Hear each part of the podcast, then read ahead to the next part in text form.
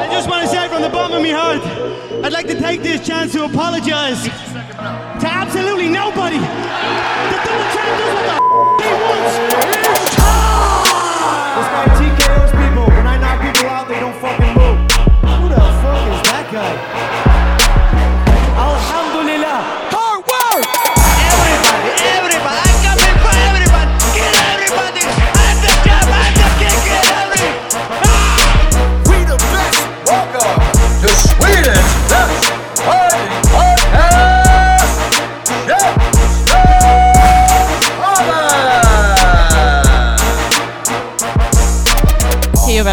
Nytt avsnitt av Käftsmällspodden, Sveriges fräsigaste podcast om fighting. Jag heter Lisa Melin Johansson och med mig i studion idag har jag Asha Tafari, Neil Layton och vår gäst som är oerhört efterfrågad och eh, superrolig att ha här. Eh, det är faktiskt en av Sveriges allra främsta mentala tränare som jobbar med eh, många av våra idrottare på allra högsta nivå och kampsportare i synnerhet. Eh, med oss idag har vi faktiskt Igor Ardoris. Wey. Välkommen till Käftsmällspodden. Tack så mycket. Så eh, jag, jag märker på en gång att du har en sån här personlighet som eh, kan vara lite störig. Eh, du är väldigt högljudd och tar mycket plats. Det är min grej. Nej, jag tror att eh, vi försöker få se om vi kan få liv i det. Du är väldigt lugn, avkopplad. Ja, Är, det, är det någonting, har du alltid varit Tillför ett lugn skulle jag säga. Ja. nej, jag, jag vet inte. Det är, um, jag har aldrig, eh, jag har hört det ofta men jag har aldrig upplevt mig själv som särskilt lugn. Jag tänkte om det är Eh. någonting som att du kanske har övat på eller som bara kommer naturligt för dig. Ja, alltså mental träning går ut på, på avslappning under press. Så jag hoppas verkligen att det har lämnat spår. Um, Så jag övar på det hela tiden. Men um, kul om, kul om det liksom, om det Ja, funkar. nej. Och det är ju lite extra roligt som här och nu för att många kan ju vara lite pressade när man precis hamnar i en podcast de här första minuterna men du är ju väldigt väldigt eh, lugn och det är just det, det är, det är svårt för oss att veta liksom är det att du är lugn under press eller är det bara, bara den här där men, men man upplever liksom direkt i närheten av det att det är ett lugn, ja, verkligen. Jag blir lugnare av det, det är, det är supercoolt. Jag blir, jag blir nästan stressad alltså. Jag tycker det. Men det, är väl, Men- det är väl din grej, medveten närvaro liksom. Nu när vi har satt igång podden då är du 100% här. Det är väl lite det som mindfulness går ut på Ja, liksom. Att, att Absolut. vara, vara här och nu liksom. Precis, nu kör vi. Men, det, Ja. men det, det är det jag tänkte fråga dig. Så vad är mental träning och vem behöver det? Och vem är du tänkte jag. Ja, det är, Det, det är också en bra fråga.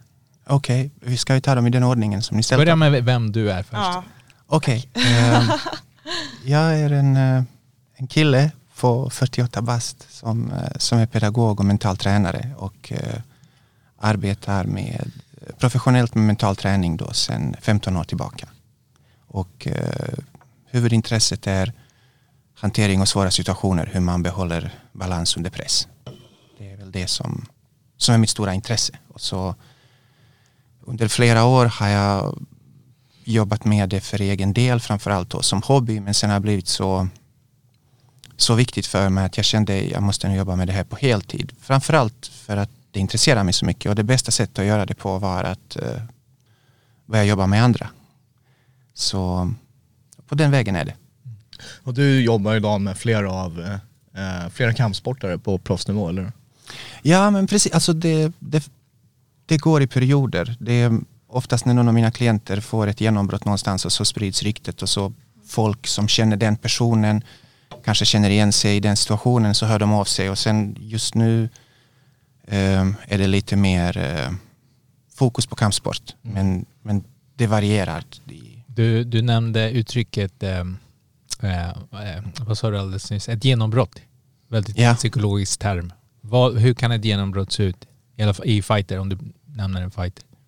Eh, du, menar du då, syftar du på psykologiskt genombrott? eller? Ja, alltså deras, vad du ansåg genombrott liksom, när de känner att Alltså ofta så att om, om, en, om en idrottare då eller en person har kämpat med någonting väldigt länge som de inte riktigt har känt att de, de får koll på eller kontroll över och sen efter ett par månaders träning så märker man faktiskt att man har mer koll på det. Att, att man förstår mekanismerna, att man känner igen vad som, eh, de, situationer, de, de eh, impulserna och situationer som brukade äga rum men att nu har de inte samma effekt längre utan att man kan hantera dem på ett annat sätt.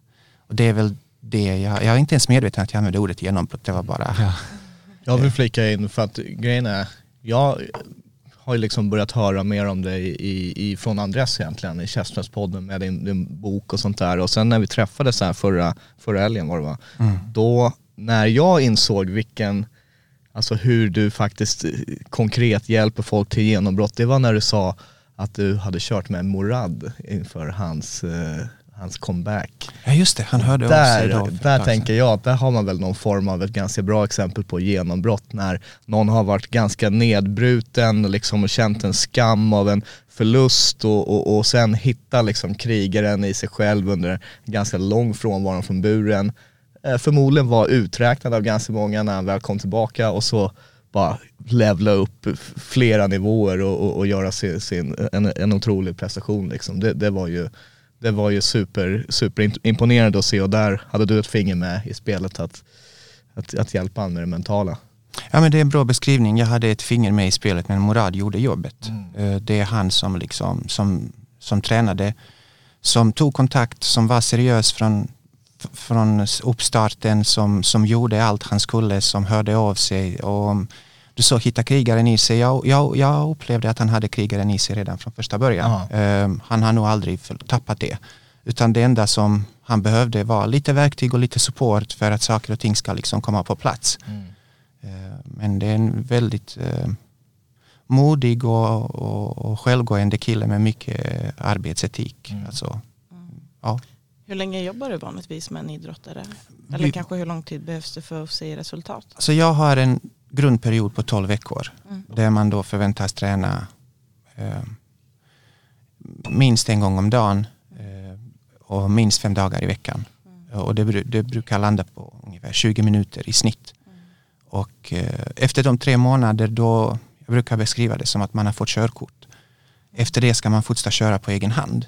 Men man vet hur man ska göra. De har ju byggt upp en vana eh, att träna dagligen. Eh, De, under en kvarts år har vi liksom eh, tittat på deras vardag och hela tiden eh, applicerat de- verktyg som de jobbar med med mig kopplat dem till en eh, konkret sammanhang då, till ett konkret, till konkret kontext. Och, så under tre månader kan det hända allt från att ja, man förlorar någon tävling till att man åker på någon skada till att man har dålig sparring till att man har problem eh, i, hemma med någonting. Eh, och vi tittar då direkt på hur, hur de verktyg vi jobbar med hjälper med den typen av situationer. Och sen till slut när det liksom när, när, eh, när de har jobbat med det i tre månader, sen vet de, då har vi gått igenom så pass mycket att deras hjärna kan generalisera. Och sen kan de fortsätta liksom på egen hand. Målet är att de ska bli självständiga efter tre månader. Sen är de alltid välkomna att eh, fortsätta höra av sig så länge de vill. Men, men de ska känna efter tre månader att de, inte, att de kan gå själva eh, utan att de behöver mig. Vad är det vanligaste som du skulle säga lite generellt som du börjar med att, att hjälpa någon med eh, när, det, när, det, när vi snackar om fighters, professionella fighters som förmodligen många kommer att lyssna på det här avsnittet. Eh, vad är det liksom, har vi några sådana kanske gemensamma nämnare i många som du har, som, som du har hjälpt?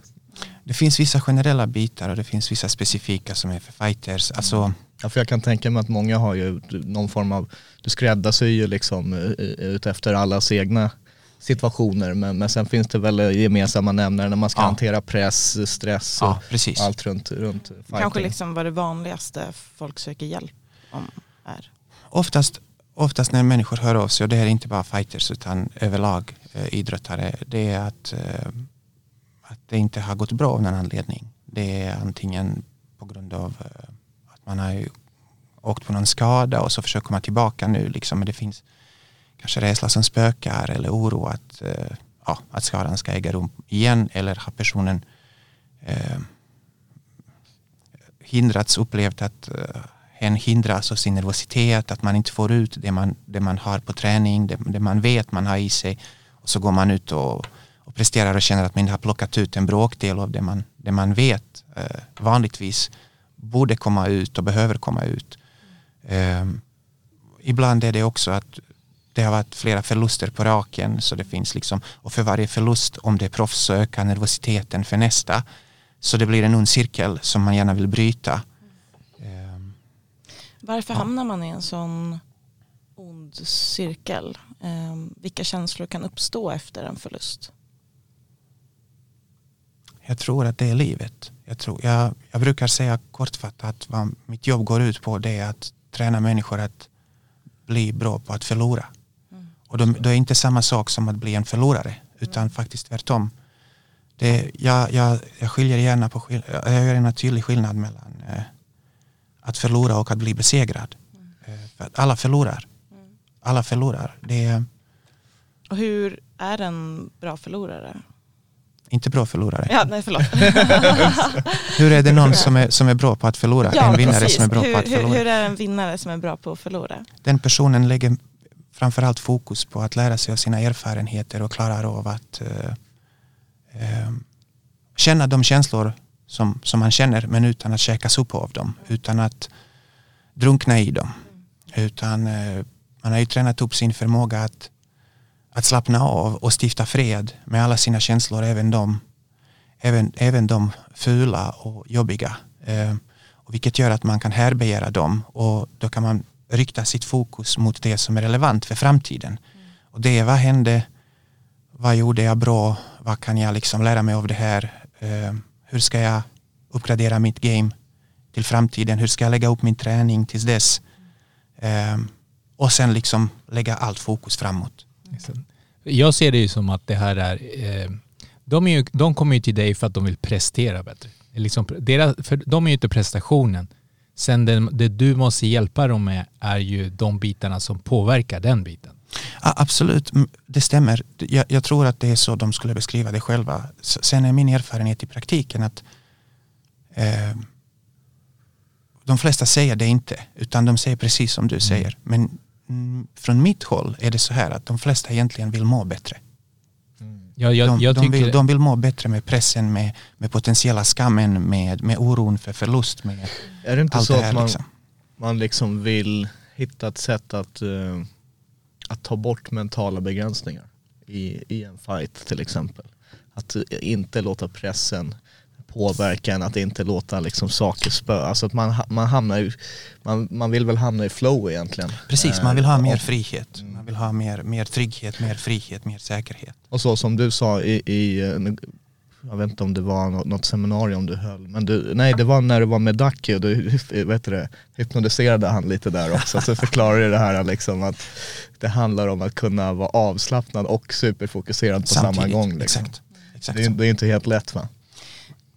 Jag är lite nyfiken också på där, eh, för det handlar ju mycket om att liksom få loss sin hela potential och det är ju lätt att liksom rikta in det på tävling. Men hur, hur ser det ut även i träningssammanhang? För jag tänker att har man en mental styrka så är det ju inte bara i match man har nytta av det utan det kanske också kan innebära att man kan pressa sig själv mer på träning eller kanske hantera tuffare situationer i, i träning. Mm. Absolut. Det är, min approach är att man vrider upp trycket i vardagen och där ingår träningen också. Det vanligaste sättet är att att folk försöker liksom när det är dags att prestera, när det är match så försöker man ofta intala sig, ja ja men det är som på träning, du har kört hård sparring, du har liksom utsatt dig för, för tuffa situationer. Nu är det bara, eh, se det som ett pass till. Men det funkar sällan eftersom folk vet att det inte är ett pass till. Det är sällan eh, pay-per-view, tusentals människor som kollar liksom. Det är sällan eh, massa matcher innan. Det är sällan liksom invägning och weight cutting och alla de här bitarna som inte alls Det kommer hamna på ditt record. Ja precis, liksom. precis. Det kommer räknas och, och, och det kommer spela roll för framtiden och, och så vidare. Så, så, så, så hjärnan vet någonstans att det inte stämmer. Eh, så, så det som det sättet hur jag jobbar på det är att man istället vrider upp pressen på sig själv i vardagen. Så att man förstår att det inte finns några vanliga träningspass. Det finns ingen vanlig tisdags eh, BJ eller, eller torsdagssparring eller något sånt utan den mentala attityden jag vill ha när jag går mitt livs viktigaste match den plockar jag fram nu. Den, flock, den plockar jag fram när jag går ut och liksom springer intervaller eller när jag bara värmer upp inför, eh, inför dagens träning. Även om jag inte har någon, någon match kanske om tre månader först. Men det är nu som jag le- lever mig in i det som jag vill ha när jag går den här viktiga matchen.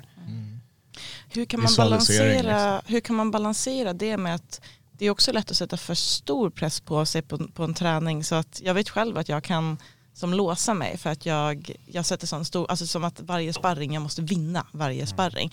Och då är det ändå, man måste ju ta det seriöst för att utvecklas, men hur hittar man en balans i det där? Precis, det är, det är väldigt kul att få frågor från en fighter. Eh, För att det här är ju bara någon som har erfarenhet som kan ställa liksom på det sättet. Så å ena sidan vrider vi upp trycket.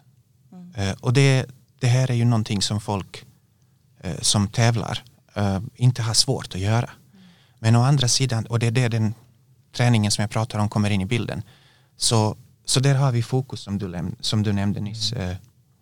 Men för att det här fokus inte ska bli manisk eh, och inte ska skapa för stor prestationsångest så att man får sån tunnelseende att man liksom börjar slåss eller exploderar eller blir jätteledsen och besviken om det inte går så bra som man hade tänkt sig så att det inte framkallar prestationsångest så jobbar vi med verktyg som till exempel eh, att lära sig eh, reglera sin egen spänningsnivå så man slappnar av fysiskt man vrider upp trycket mentalt men samtidigt tränar klienten med att slappna av så mycket fysiskt som det bara går.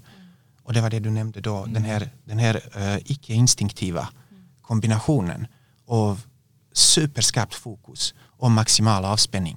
Eh, så fokus, tävlande människor sällan behöver hjälp med fokus, men de flesta behöver hjälp med att slappna av och behålla fokus. Eh, och det är ju egentligen det vad meditation går ut på. Det är vad liksom grundläggande mental träning går ut på. Jag, jag tycker det du säger har väldigt mycket eh, paralleller med, eh, jag är coach, jag är thaiboxningstränare, jag har varit i typ 20 år nu. Och det är den, mycket av det här är intuitivt också, Ja, som ja. när du coachar någon rent fysiskt. Liksom. Du ser att nu är den här människan överstressad, nu är de kanske understressade så jag måste förstå ska upp gå match. Precis. Eh, Du har ju tagit verktyg där du kan den mentala biten. Ja, fast kropp, kroppen är kroppen, de är, ihop, kroppen liksom. är typ verktyget för det mentala. De första fyra veckor jobbar vi nästan uteslutande med kroppen. Det är intressant. Ja. Kan du ge mig ett exempel på hur det kan se ut? Absolut. Eh, Första programmet bygger på någonting som heter progressiv muskulär avslappning. Och det är en, en metod som utvecklades av Dr. Edmund Jacobsson i Chicago i början på 1900-talet. Och Jacobsson märkte att eh, eh, eftersom muskler och nerver sitter väldigt tätt ihop, alltså rent fysiologiskt, så om man försöker, försöker lugna ner sig så själva försökandet gör att man blir mer spänd. Så det blir en motsatt effekt. Just det. Som när man försöker somna på Det är kvällen. som så här, liksom. tänk, tänk bra tanke. Ja, Eller så ja, här, precis. eller liksom, det- Precis, bli det glad, går ju inte, eh, liksom. bete dig naturligt. eh, Tänk liksom. inte på... Ja, punkt, punkt, punkt. Liksom. Så, men, men Jakobsson märkte just på grund av att, att nerver och muskler är så, så tätt sammankopplade så ett väldigt effektivt sätt att lugna ner nervsystemet det är att slappna av i musklerna. Så när musklerna slappnar av de drar ner sig de drar ner med sig nerverna och när nerverna lugnar ner sig ja, men då blir personen lugn. Och sen upptäckte han att okej, okay, skitbra, men om jag då säger till en person att slappna av, även om de förstår vad jag menar, så är det inte så lätt för dem att göra det, framförallt inte under press. Och då har han utvecklat en metod då för drygt hundra år sedan som går ut på att man överdriver motsatsen. Så man ber folk att medvetet spänna olika delar av kroppen. Så så du känner, så ditt nervsystem känner hur det känns när du är väldigt spänd. Och sen låter du bli att spänna, vilket är samma som avslappning. Och, då, och det tar bort den här uh, ångesten, Kla- är jag tillräckligt avslappnad, klarar jag av att slappna av? För nervsystemet känner väldigt tydlig skillnad. Och det är vad klienten jobbar med under första två veckor. Liksom. Jag gör, jag gör så faktiskt som där, eh, speciellt folk som har väldigt tight nacke och Mm, axlar. axlar. Den här att spänna jättehårt och sen slappna av. Just för att få den där, exakt. Jag, vad, skulle du eh, säga, vad skulle du säga är största misstaget som man gör i, i, i tävlingssammanhang jämför mentalt? Alltså att hamna i det här fokuset. Vad är det, vad är det största misstaget som du ser? Jag tror största instinktiva misstaget är att det för, de, för eh, man kan bli så himla angelägen om resultatet Mm. att man har svårt att fokusera på processen. Att medan matchen pågår så har man ett öga på hur, hur det här kommer sluta. Så man har svårt att ha båda ögon på själva fighten. Och, och då kan man inte plocka fram 100% av det man har. Det var, det var en ledande fråga också för det var precis det jag ville komma till. Att är det, det, finns, det känns som att det finns ett moment 22 på något sätt när det är dels så snackar man om att det är skitviktigt med att ha mål, drömmar, allt vad det är, liksom någon form av målbild, visualisera det och så vidare. Eh, samtidigt så ska man ju inte göra det när man väl är där eller när man är liksom i en fight eller någonting. Är det, är det dåligt att ha för stora förväntningar på sig när man går in i till exempel en, en tävling? Eh, ty, tror du generellt? Alltså det är det här som är kärnan. Det är det som, som min mentor och lärare, Dr. Lars-Erik Unestål, har doktorerat på redan i slutet på 60-talet. Och det är det han kallar då integrerad mental träning. Och hela poängen är att man tränar mentalt. Eh, Man föreställer sig själv eh, prestera på det sättet som man vill göra när man presterar som bäst. Och man gör det så mycket att sen när det är dags att gå matchen så upplever ens hjärna att eh, det här har jag gjort så mycket att jag Right. kan bara slappna av och köra. Just och det är det som, som jag då som är poängen med bud. Jag, jag brukar säga till mina klienter så här. Vi tränar för att vi inte ska för att vi ska kunna unna oss att inte fundera på någonting när vi går match. Det kan ju Right. Är nämna också att du har ju en egen erfarenhet inom bud och väldigt lång erfarenhet Ja, inom bud. exakt. Så att du förstår ju verkligen det här eh, Ja, det- egen ja. erfarenhet. Det är ju någonting, du, både du och jag har ju gemensamt att vi är karatekas. Ja. Eh, och det är bättre än taekwondo vill jag bara säga när Andreas inte är här nu. Men inte Nej, men- bättre än Tyson. Inte bättre än thaiboxning. Ja, nej, nej, exakt. De vågar inte ens nämna thaiboxning och sitta här mitt Nej, emot men, oss. du, och, det finns, jag har ju, jag har ju en egen erfarenhet av att tävla och och jag funderat mycket kring just det här med mentala. Dels för att jag, eh, jag upplevde att det var liksom jag tyckte alltid att mentala biten var det viktigaste. Det var man- 90% av liksom prestationen och sådär. Men jag kommer ihåg när ja, jag drömde om att få representera Sverige, landslaget liksom. Och så kom man upp dit i Nordiska mästerskapen. Eh, och jag hade ju haft den här idén och föreställningen om att jag skulle gå in och sopa mattan och visa hur bra jag var. Men det gick ju åt helvete liksom. Jag, jag, jag förlorade och, och, och var jätteledsen liksom. Men sen eh, eh, året därpå så fick jag chansen igen och då var det hemmaplan, vilket kan ha, kan ha spelat in lite också. Men då hade inte jag samma så här, äh, jag var lite mer, ja men vi, vi kör liksom och ser hur det går du vet. Eh, jag hade latchat lite med polarna, hade lite ont i nacken innan kommer jag ihåg, så här, för jag hade brottats och skojat. Så inte så här jättesuperseriöst. Och så kollade jag på min, min liksom lottning och bara, men här- okej alla de bästa är på min sida typ. det här, jag kommer inte vinna det här liksom, det finns in- ingen chans du vet. Men och då avsaknaden av, som jag kallar det, mentala begränsningar, gjorde, då vann jag hela skiten liksom. Ja. För att, och då, jag kommer ihåg att jag, jag verkligen tänkte på det mitt under en match mot någon jag var inte, inte en chans att jag var bäst av de där, jag var bara lyckades vinna där och då liksom. Mycket på grund av mentalt men han, jag kommer ihåg jag tänkte på det, fan han, du vet, jag såg att han hade massa sån här stress av att representera sitt land och nu måste jag vinna hit och dit och jag var bara där liksom. Och, Ja men jag kanske kan köra en Kesanesuke nu liksom, det, han kommer förmodligen inte hinna reagera. Så att, och det, det, men det blir ju intressant att så här, det känns ju som att man ska ha sina mål och man ska vara, liksom, gå in med, med, med, men samtidigt om det inte går vägen eh, då, då ökar ju pressen på dig själv. Så att, Precis, du har, du har dina mål, du har dina förväntningar och de, de mål och förväntningar styr din kvalitet i din träning och i Ja. ditt träningsupplägg och det är det som driver dig att du verkligen är fokuserad varje gång du byter om Ja. och går på mattan. Alltså man borde ha det mer utanför tävlingssammanhang Exakt. liksom. Det är det som är grejen. Och sen Det tävlingen, då, då kan, har man inga förväntningar då kan det ju bara bli bättre än vad du hade förväntat dig Precis, ändå. om du tänker på bilkörning Ja. så är det ett jättebra exempel. Liksom. Du, du, du, du övar alla olika moment, hur du ska eh, gasa, koppla, bromsa, ha koll på speglarna, växla och allt det här. Men när du, när du kör själva bilen sen, på riktigt, liksom, då ska inte du behöva tänka på åh vad snyggt jag växlar eller vad, vad bra jag har koll på speglarna. För gör du det då missar du något annat. För att i trafiken händer så mycket. Så alla olika moment vi övar, vi övar dem med, med, med, med själ och hjärta eh, för att vi ska kunna glömma dem helt när det är dags att köra utan då ska man bara kunna lita på att man har gjort sitt, sitt jobb. Och sen ska man bara ha koll på liksom, att vara avspänd, eh, andas eh, och, och låta träningen komma ut utan att ha någon speciell plan, så här ska jag göra den här tekniken.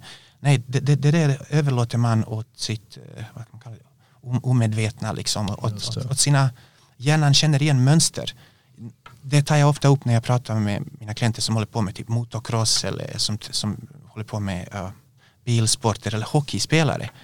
En kille jag pratade med nyligen eh, hade lite måltorka då, han är proffs. Eh, och så bara, jag vet inte, jag har gjort allt och jag har för- förberett mig och sådär. Och, och redan när han berättar ser jag att han har inte släppt taget om allt det här. För att då blir det nästan, okej om jag matar de här visualiseringar då måste det väl lossna på, vid nästa match. Men redan den här attityden gör att man inte är liksom med i matchen utan man tänker på resultatet. Och då började vi, och då, då ställde jag honom en fråga liksom, och frågan var eh, vi tittar på, på, på ett klipp och hans senaste mål som var helt sjukt. För att han liksom, det var hans medspelare som sköt och målvakten försvarade. Och pucken studsade och han var då på, på, på väg och en försvarsspelare var mellan honom och målvakten och han lyckades, vi pratar om en bråkdel av en sekund, men han lyckades eh, liksom träffa den här pucken efter studsen mellan benen på försvarsspelaren och rikta in den i liksom, eh, i, i, förbi målvakten i målet. Det här hinner du aldrig göra medvetet. Du har inte, det, det går, det, Du får inte planera. Ja, precis. Så, så, vad, vad tänkte du när du gjorde mål? Nej, ja, jag vet inte själv, sa han. Det är det som är poängen. Och det är ju väldigt liknande i fighting för när du väl är i ringen, alltså på träningarna kan man ju tänka så här, ah, och sen ska jag planera att sätta Precis, upp det här. glöm Men det det. gör du inte. Det finns, alltså, det. Du tänker inte i ringen. Det Det går ju bara på reaktion, på vad du har övat på. Är inte det mycket flow state också? Ja, men det, Alltså, det, det, ja, För precis. ibland, ibland så, jag, jag känner att jag har upplevt båda, båda sidorna. Ibland så har man, eh, ja men du vet, tänkt någonting och varit så här. Och det, där vill man ju inte vara egentligen. Egentligen så vill man ju att det ska gå Det är per för långsamt. automatik. Det är för långsamt, det är för segt. Men, men, men sen, och det är därför många idrottare har ju olika så här, triggers och sånt här typ, Mm. för att försöka framkalla det här flow state. För att, och då är det ju så här, då kommer jag ihåg hur man, för det första så kan man göra saker som, som man är såhär wow shit hur fan gjorde jag det där? Typ Exakt så här. så. Och sen så kommer man kanske inte ens ihåg poängställning eller något, eller Nej, du vet saker exakt så. blandas ihop för att då är man ju 100% där i nuet liksom. Jag, jag har ju faktiskt lärt mig en sån trigger från dig Igor, vilket är, det är också därför som jag tycker det är extra roligt att ha dig här idag. För att jag, eh, men jag började ju med thaiboxning 2017 och eh, ungefär samtidigt då så släppte ju du och Madeleine Wall Mm. en bok som heter Stark på insidan som är väldigt inriktad mot kampsportare även om den funkar för folk överlag. Eh, och då gick jag ju det träningsprogrammet som man får med där i boken och då är det bland annat att eh, man spänner ju armen eh, Mm. för att eh, liksom komma in i rätt state. Mm. Och det är så otroligt häftigt hur en sån enkel grej verkligen funkar. Kan du berätta lite mer om det konceptet eller vad man ska kalla det? Om triggerkonceptet. Ja, precis. Triggerkonceptet bygger på egentligen klassisk betingning. Eh, och, och det mest kanske kända exemplet är Pavlovs hundar. Ja. Eh, när då han, eh, han upptäckte när han skulle ge hundarna mat att de, deras salivutsöndring ökade. Och så tänkte han okej, så det räcker kanske att hans hypotes var att det räcker att de ser mig för att de ska liksom börja salivera fast det är inte mig de tänker käka utan de förknippar med att jag ska ge dem mat. Så jag är inte maten liksom. Och, för att testa det, det konceptet, den hypotesen så eh, testade han med att varje gång när han skulle mata dem så slog han i en stämgaffel. Eh, så det blev liksom ett ljud och det dröjde inte många gånger innan de lär sig eh, gifta två saker som inte hör ihop naturligt. Och det är ljudet av stämgaffel och, och mat. Det är bara Pavlovs själv som kom på liksom att, att sätta ihop dem och hundarna satte ihop dem. Eh, så då började de salivera vid ljudet av stämgaffel. Och eh, vill, då kan vi säga att stämgaffels ljud blev en trigger för den, triggar igång förväntningar på att de ska få middag. Eh, och eh, om vi då tittar på det konceptet i samband med till exempel fighting eller hantering av svåra situationer. Så varje gång du ska slappna av som du då övar hemma i lugn och ro så du börjar med att du andas in, spänner vänstra handen, håller eh, andan några sekunder, lägger märke till spänningen och så andas ut och slappnar av. Mm. och sen, det här sker i början av programmet, sen kör du 10-15 minuter med att fortsätta med högra handen och resten av kroppen och så vidare. Men när du har gjort det i en vecka, ett par veckor liksom, så din hjärna har nu fattat att aha, nu ska jag slappna av i kroppen. Så det räcker, det blir till st- stämgaffel för avslappning. Så det räcker det att du andas in, spänner och sen när du slappnar av, du har ju slappnat av så många gånger nu så hela ditt nervsystem kan liksom göra en kort process Ja. av det där som du har gjort i lugn och ro. Just det. Otroligt. Ehm, hur mycket bättre kan en idrottare bli av mental träning? Det är såklart jättesvårt att säga men liksom på... Jag skulle vilja säga att mental träning handlar mer om att släppa fram det man egentligen redan har. Ta bort blockeringarna. Ja, liksom. exakt. Ja. Alltså det, så mental, jag tror inte mental träning kan ge dig någonting du inte har. Så den kan inte göra dig bättre än du är. Men den kan hjälpa dig att, att eh, inte begränsa dig. prestera det du har inom dig. Men precis, så jag, man vet ju många, men kanske klubbkompisar exempelvis som på sparringen så är de, ingen kan ens röra dem men sen i match så fryser Just de helt och gör ingenting Exakt alls. så. Det är ganska vanligt och eh, jag tänker också just det här kampsporten skiljer sig ju lite från många andra idrotter mot att liksom förlorar du i en fotbollsmatch, ja okej Mm. de andra gjorde fler mål. Eh, Medan förlorar du i, i en kampsport, du fick stryk inför Precis. folk du känner. Precis. Eh, det är ju eh, Mycket skam som ja, är kopplat till det. mycket skam. Ja, mycket skam som är kopplat till det. Men jag, men jag tyckte just på det här tidigare sa om betingat eh, beteende. Det är att ju vinsten, att vinna fighter, är ju också, du mår bra. Det, du, du lär dig så typ, får du massa vinster på rad, då får du ju det beteendet. Att det är vinsten som gör att du blir liksom Just det. fullföljd och eh, fylld och glad och happy. Och det är därför det svider så. Har du en, en vunnit typ fem matcher på raka och förlorat sjätte, då svider det just för att du har haft den här highen. Liksom. Eh, jag tror att det är ju en, en grej som fighters som är framgångsrika, att du kan se det här, som det har gått väldigt bra. Och så en förlust och det bara känns som ett korthus som rasar. Eh, är det, tror du att det är det som hänt? Att deras liksom, belöningssystem har blivit just vinsten? Det är ungefär som liksom, Absolut. Alltså, man pratar om inom, inom hjärnforskning, framförallt evolutionspsykologi, så pratar man om de här tre stycken. Det finns fler, men de tre grundläggande stycken känsloregleringssystem. Och, då, och, då, och som vi liksom är födda med som, som människor. Och det mest dominanta är hotsystemet. Och hotsystemet är, då har du sådana hormon som adrenalin, noradrenalin, kortisol. Det handlar om att upptäcka hot och det är då kroppen gör sig redo för kamp eller flykt och så vidare.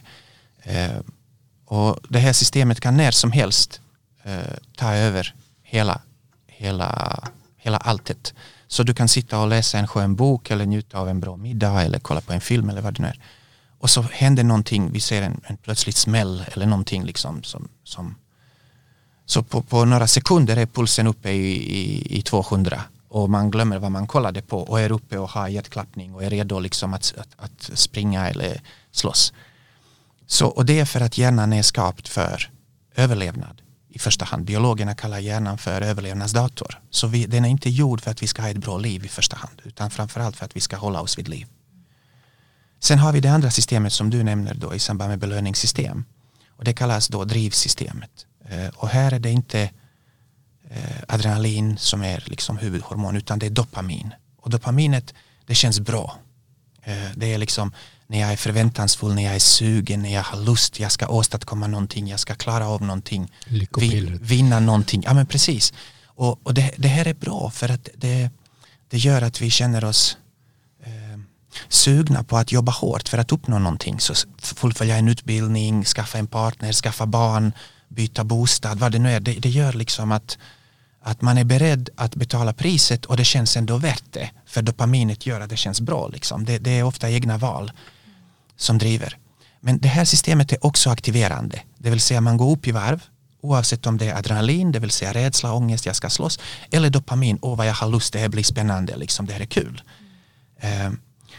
det som gör det lite lurigt det är att både är aktiverande. Så jag kan till exempel det har gått bra, det har gått bra på sparringen, det har gått bra de senaste matcherna, allt börjar gå bra. Sen börjar matchen och så vi säger jag vrickar foten under första halv, halv, halva, halva ronden och så plötsligt jag har liksom svårt att fokusera på något annat, jag kan inte trycka ifrån med mitt ben när jag ska sparka eller vad det nu är. Nu, nu det som var från början dopamin, det som var skoj, jag var så laddad, jag var i mitt livs form, plötsligt började bli adrenalin och ångest. Och, och det tog en sekund. Eh, man kan se det här i fotboll när eh, duktiga lag, alltså vi pratar världsklasslag, eh, möter Paris varandra. Saint-Germain. Ja, vi kan säga absolut bra exempel. Liksom möter ett annat lag och så oftast eh, om man då släpper in ett par mål så, så blir spelarna som från början hade skoj, nu, nu kör vi liksom, de älskar det här. Men nu plötsligt bara, shit vi håller på att förlora. Och då blir det fler gula kort, då blir det till och med röda kort och det blir bråk med domaren, det blir knuff och grejer. Dopamin har gått över till adrenalin. Så det här är ju lurigt eh, i, i, inom eh, faktiskt thailändsk buddhism. Jag tror det är en, en snubbe som heter Ajahn Chan som, som har en jättefin, eh, ett jättefint exempel på de här två. Han säger att eh, de negativa känslorna, han jämför dem med ormens huvud. Alltså rädsla, ångest, ilska. Om du är nära ormens huvud, du blir biten direkt. Så, så du märker att du mår dåligt av det här, liksom, av att vara rädd eller av att vara arg. Eh, Men även de här goda känslorna med lust, med liksom, eh, driv och så vidare. Han menar att det är samma orm, du bara greppar den vid snoppen, ist- äh, snoppen. Fel ord. vid snoppen, ormen, vid, du, du greppar ormen vid snoppen Det och då blir blev du en biten. helt annan betydelse nu. Du greppar ormen vid svansen. Eller, jag var på väg att säga svansen och kroppen samtidigt. Det blev snoppen. Ja, ja det, Vad skulle. Freud säga om det här? Vi kom helt Exakt, det där Ja. blev. Så Ja. Greppar du ormen vid svansen så dröjer det lite innan den vänder sig om och du får liksom, du blir biten av huvudet i alla fall. Men eh, det är bara fråga om tid. Det, det dröjer inte länge. Så som tur är vi har ett tredje system och tredje systemet vi kan kalla trygghetssystemet. Och här är det till skillnad från hot och driv så är trygghetssystemet lugnande.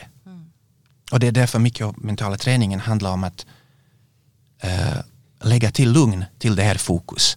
Och lugnande system handlar om eh, sådana hormon som eh, oxytocin, endorfin. Liksom. Här, här går pulsen ner istället för upp.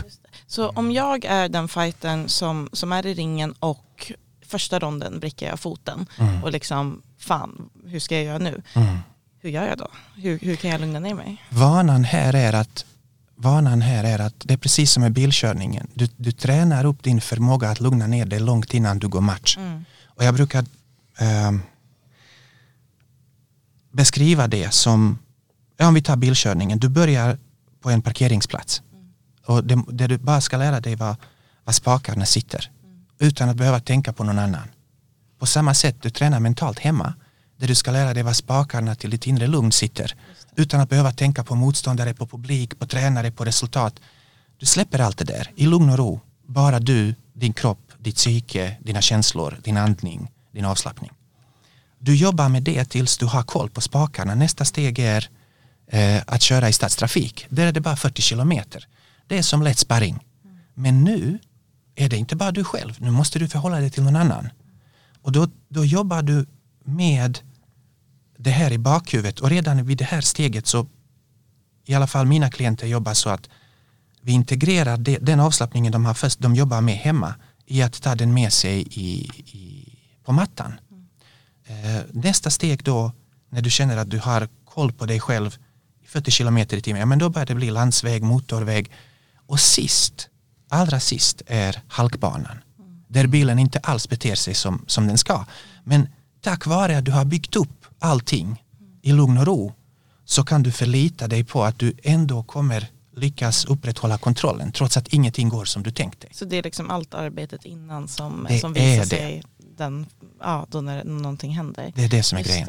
Men, men jag har typ en fråga. Så att när du hjälper någon, hur djupt går du? För att jag kan se, eh, jag har eh, tränat fighters genom åren och jag kan se vissa fenomen som är återupprepande. Trauma, Vilken typ av eh, trauma, förlåt? eh, oftast från dåliga familjeförhållanden. Ah, okej. eh, sådana typer av saker, kanske blivit utsatt för någonting. Mm. Eh, just att de kanske har redan upplevt våld innan de kom till mig. Mm. Droger Mm. också. Och för droger är ju den här klassiska dopaminen, du mår Mm, bra mm, och, sen, mm. och då, det förstör ju mycket av det du säger i så fall. Och träna upp de här belöningssystemen och allting. Just för att du, det höjer ju, du mår bra och sen försvinner det. Mm. Så det, då, och så ska träningen också funka, sådana grejer. Det är ju så här återupprepande saker jag har sett genom åren på Mm. fighters. Liksom. Mm. Så, men frågan är då, det du gör, Går du in på de bitarna? Typ, tar du dig den friheten? och- Men, men, men, du är en dålig fighter för att kanske, eh, jag menar dina föräldrar lämnar dig.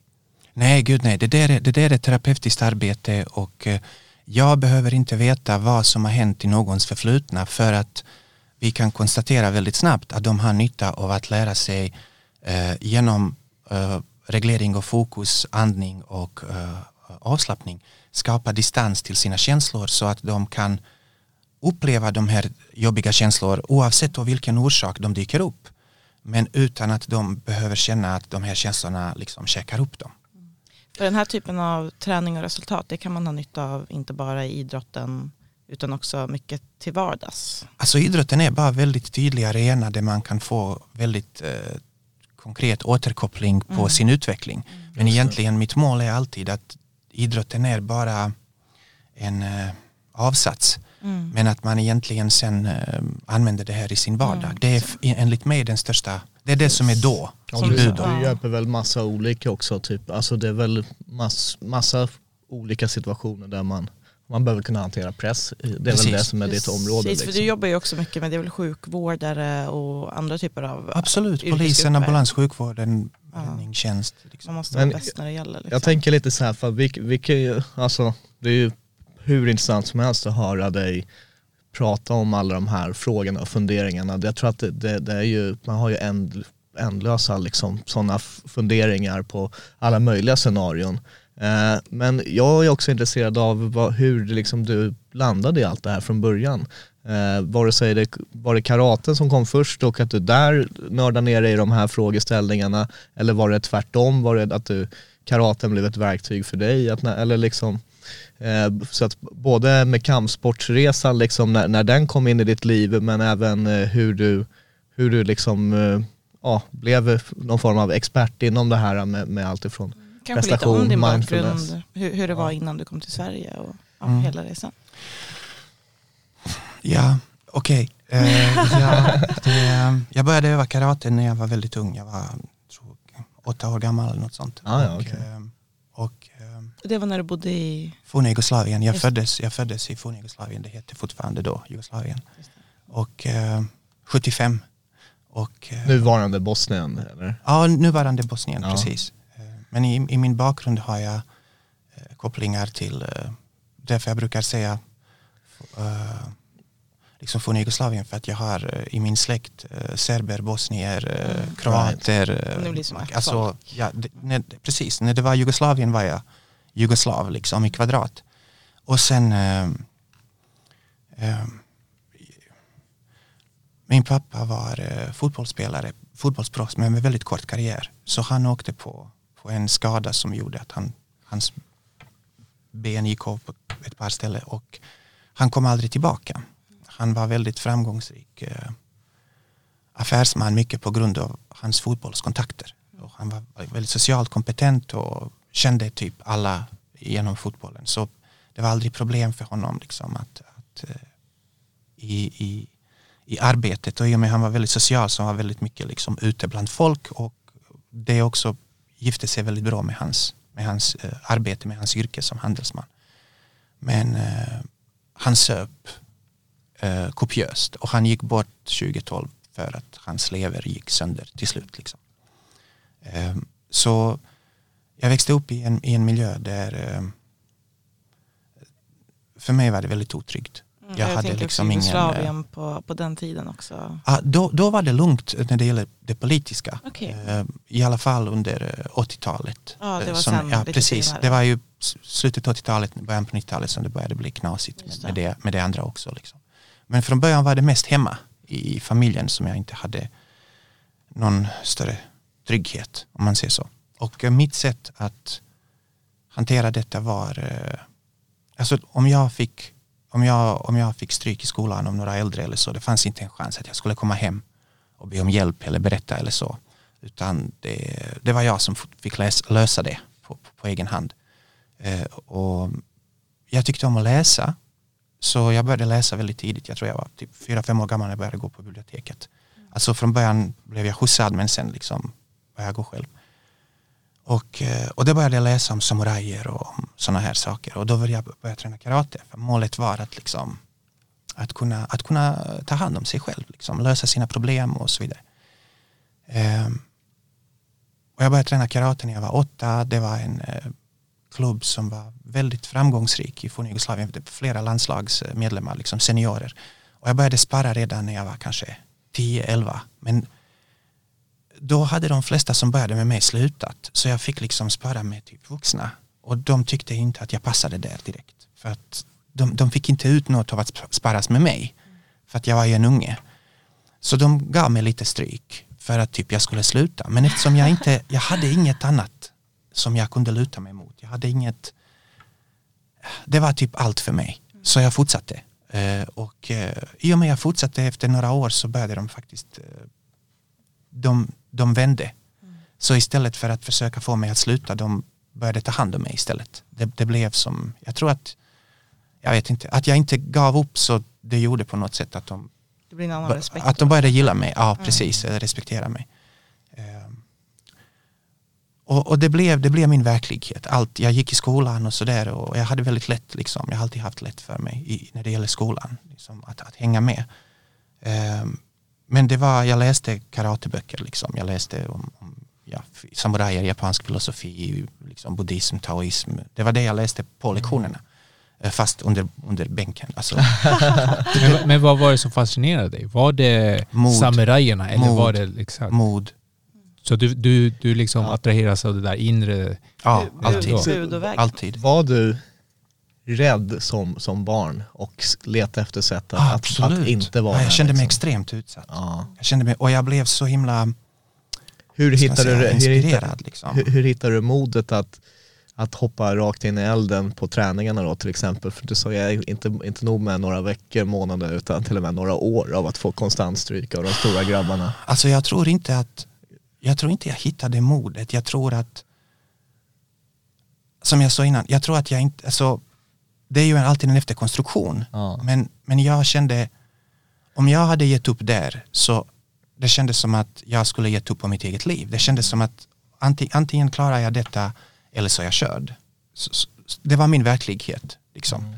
Och det kändes att antingen, antingen lär jag mig liksom bemästra det här eller så kommer jag vara en nolla Ja, ja, liksom, resten av livet. Så kändes det. Eh, och, och det fanns liksom egentligen inga andra alternativ för mig. Så jag, om det tog 25 minuter att gå till, till klubben, eh, det tog nästan dubbelt så lång tid att komma till klubben som det, gick, som det tog att gå tillbaka. Eftersom ju närmare klubben jag kom desto långsammare gick jag. Alltså, och det var sjukt för att jag ville ju gå som vanligt. Men, men kroppen verkligen hade motstånd för att man hade i, på, i näthinnan stryk från igår kväll. Liksom. Och då är det så intressant just, det var första gången jag fick en upplevelse, det var typ innan jag ens kom upp i tonåren, att jag kan bestämma mig någonting, men min kropp kan fullständigt skita i det. Så jag kan bestämma mig, nu går jag, jag har bestämt mig. Men det spelar ingen roll vad jag har bestämt mig, för att det finns något annat som är starkare än det, eller i alla fall som gör det väldigt jobbigt för mig. Och det fascinerade mig. Eh, och det var samtidigt ett, ett konkret problem som jag behövde hantera. Det var inte en filosofisk fråga utan det var en existentiell fråga för mig. Så, så när jag väl har kommit över det, det dröjde flera år innan jag kunde själv förstå vad, varför jag lyckades komma över det och hur det gick till och då blev det väldigt intressant. Och sen kom inbördeskriget. Liksom. Och det blev också jättekonstigt för att jag trodde aldrig att det skulle ske. Eh, Hur gammal var du då ungefär? eh, 17. Och, eh, och då blev det ju, alltså, jag hade, jag kände ju, jag kämpade väldigt mycket med förakt mot människor när jag var, när jag var yngre. För under en period när jag lyckades köra över mina rädslor på, på, på ren vilja. Så det var ju bra. Men jag kände förakt för alla som inte klarar av att göra samma sak. Jag tyckte att de är liksom skam.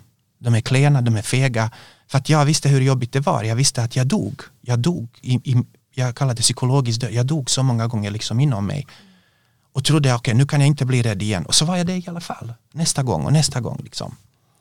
Tills, det, tills, det, tills det slog över så att det inte liksom kom tillbaka längre. Men sen när jag träffade andra som gav upp så fort någonting var lite jobbigt. Alltså det kändes som att jag var en alien.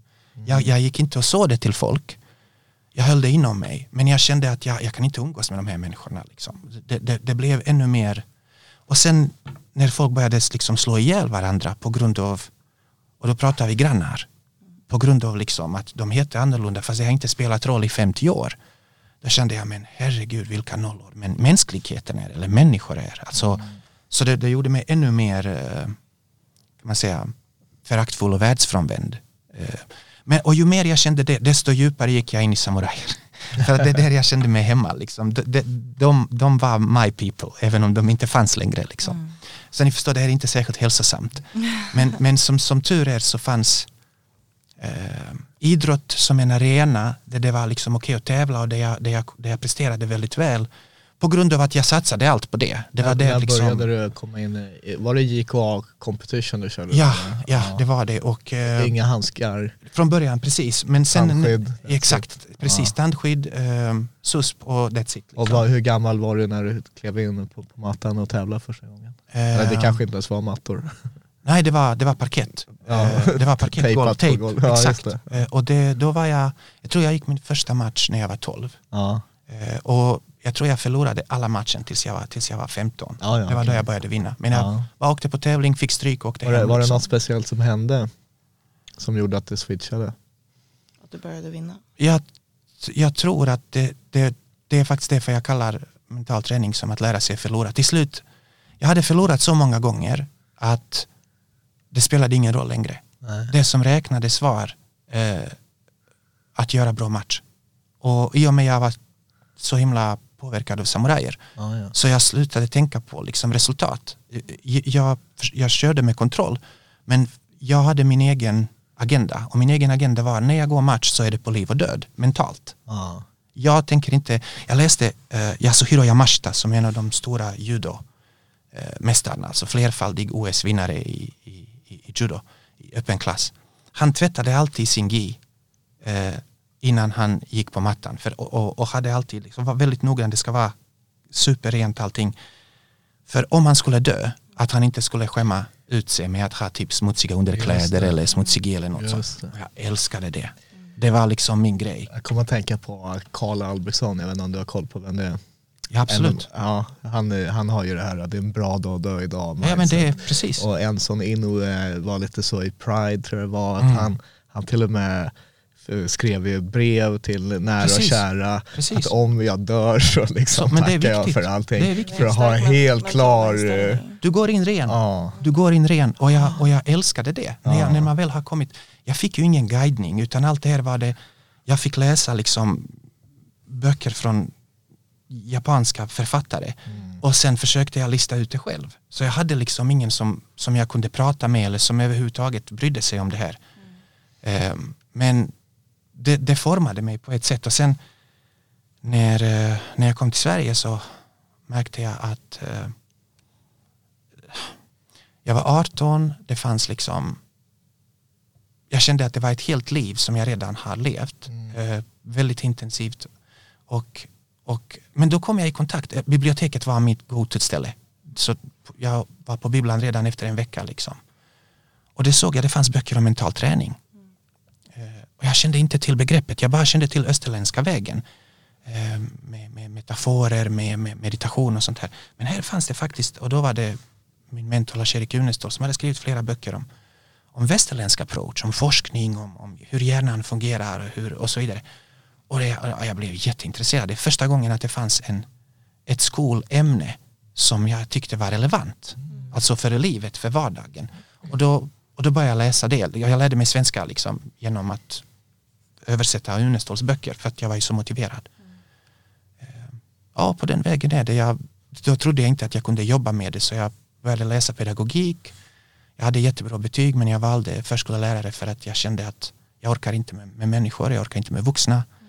Eh, Men barn har jag inget emot, kände jag. Människor i Så, halvformat. så, så kändes det, men de kändes rena och liksom Ja. uppriktiga och, och det där, där, där kände jag att jag kunde liksom satsa mitt hjärta. Så jag s- liksom läste förskollärare. Sen visade det sig att jag funkar väldigt bra med barn, inte minst med barn med utmaningar.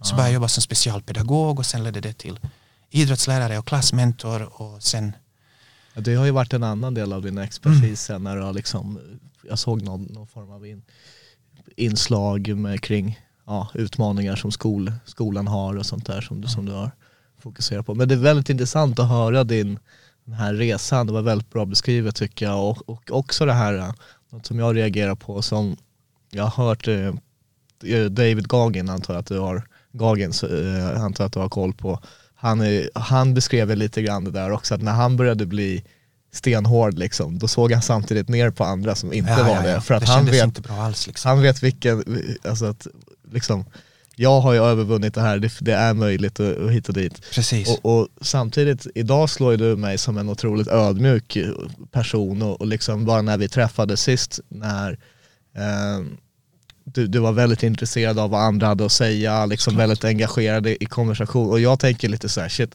du vet, Alltså i, i den här mindfulness-världen, då har ju massor av folk med messias-komplex och, och liksom, hade jag varit eh, du som har skrivit böcker och fan jag hade säkert varit mycket kaxigare än vad du är. Du Alltså vet, det finns ju sådana också. Ja, det men finns ju de som faller i den där gurun, jag har Ja, alla ja, rätt, du vet- alla svaren. Ja, så, men, så, men grejen är, jag, jag, jag känner ju, alltså det är jättemycket paralleller till mitt liv, det du berättar. ja, Eh, jag tror att eh, det förändringen som sker är när du börjar undervisa.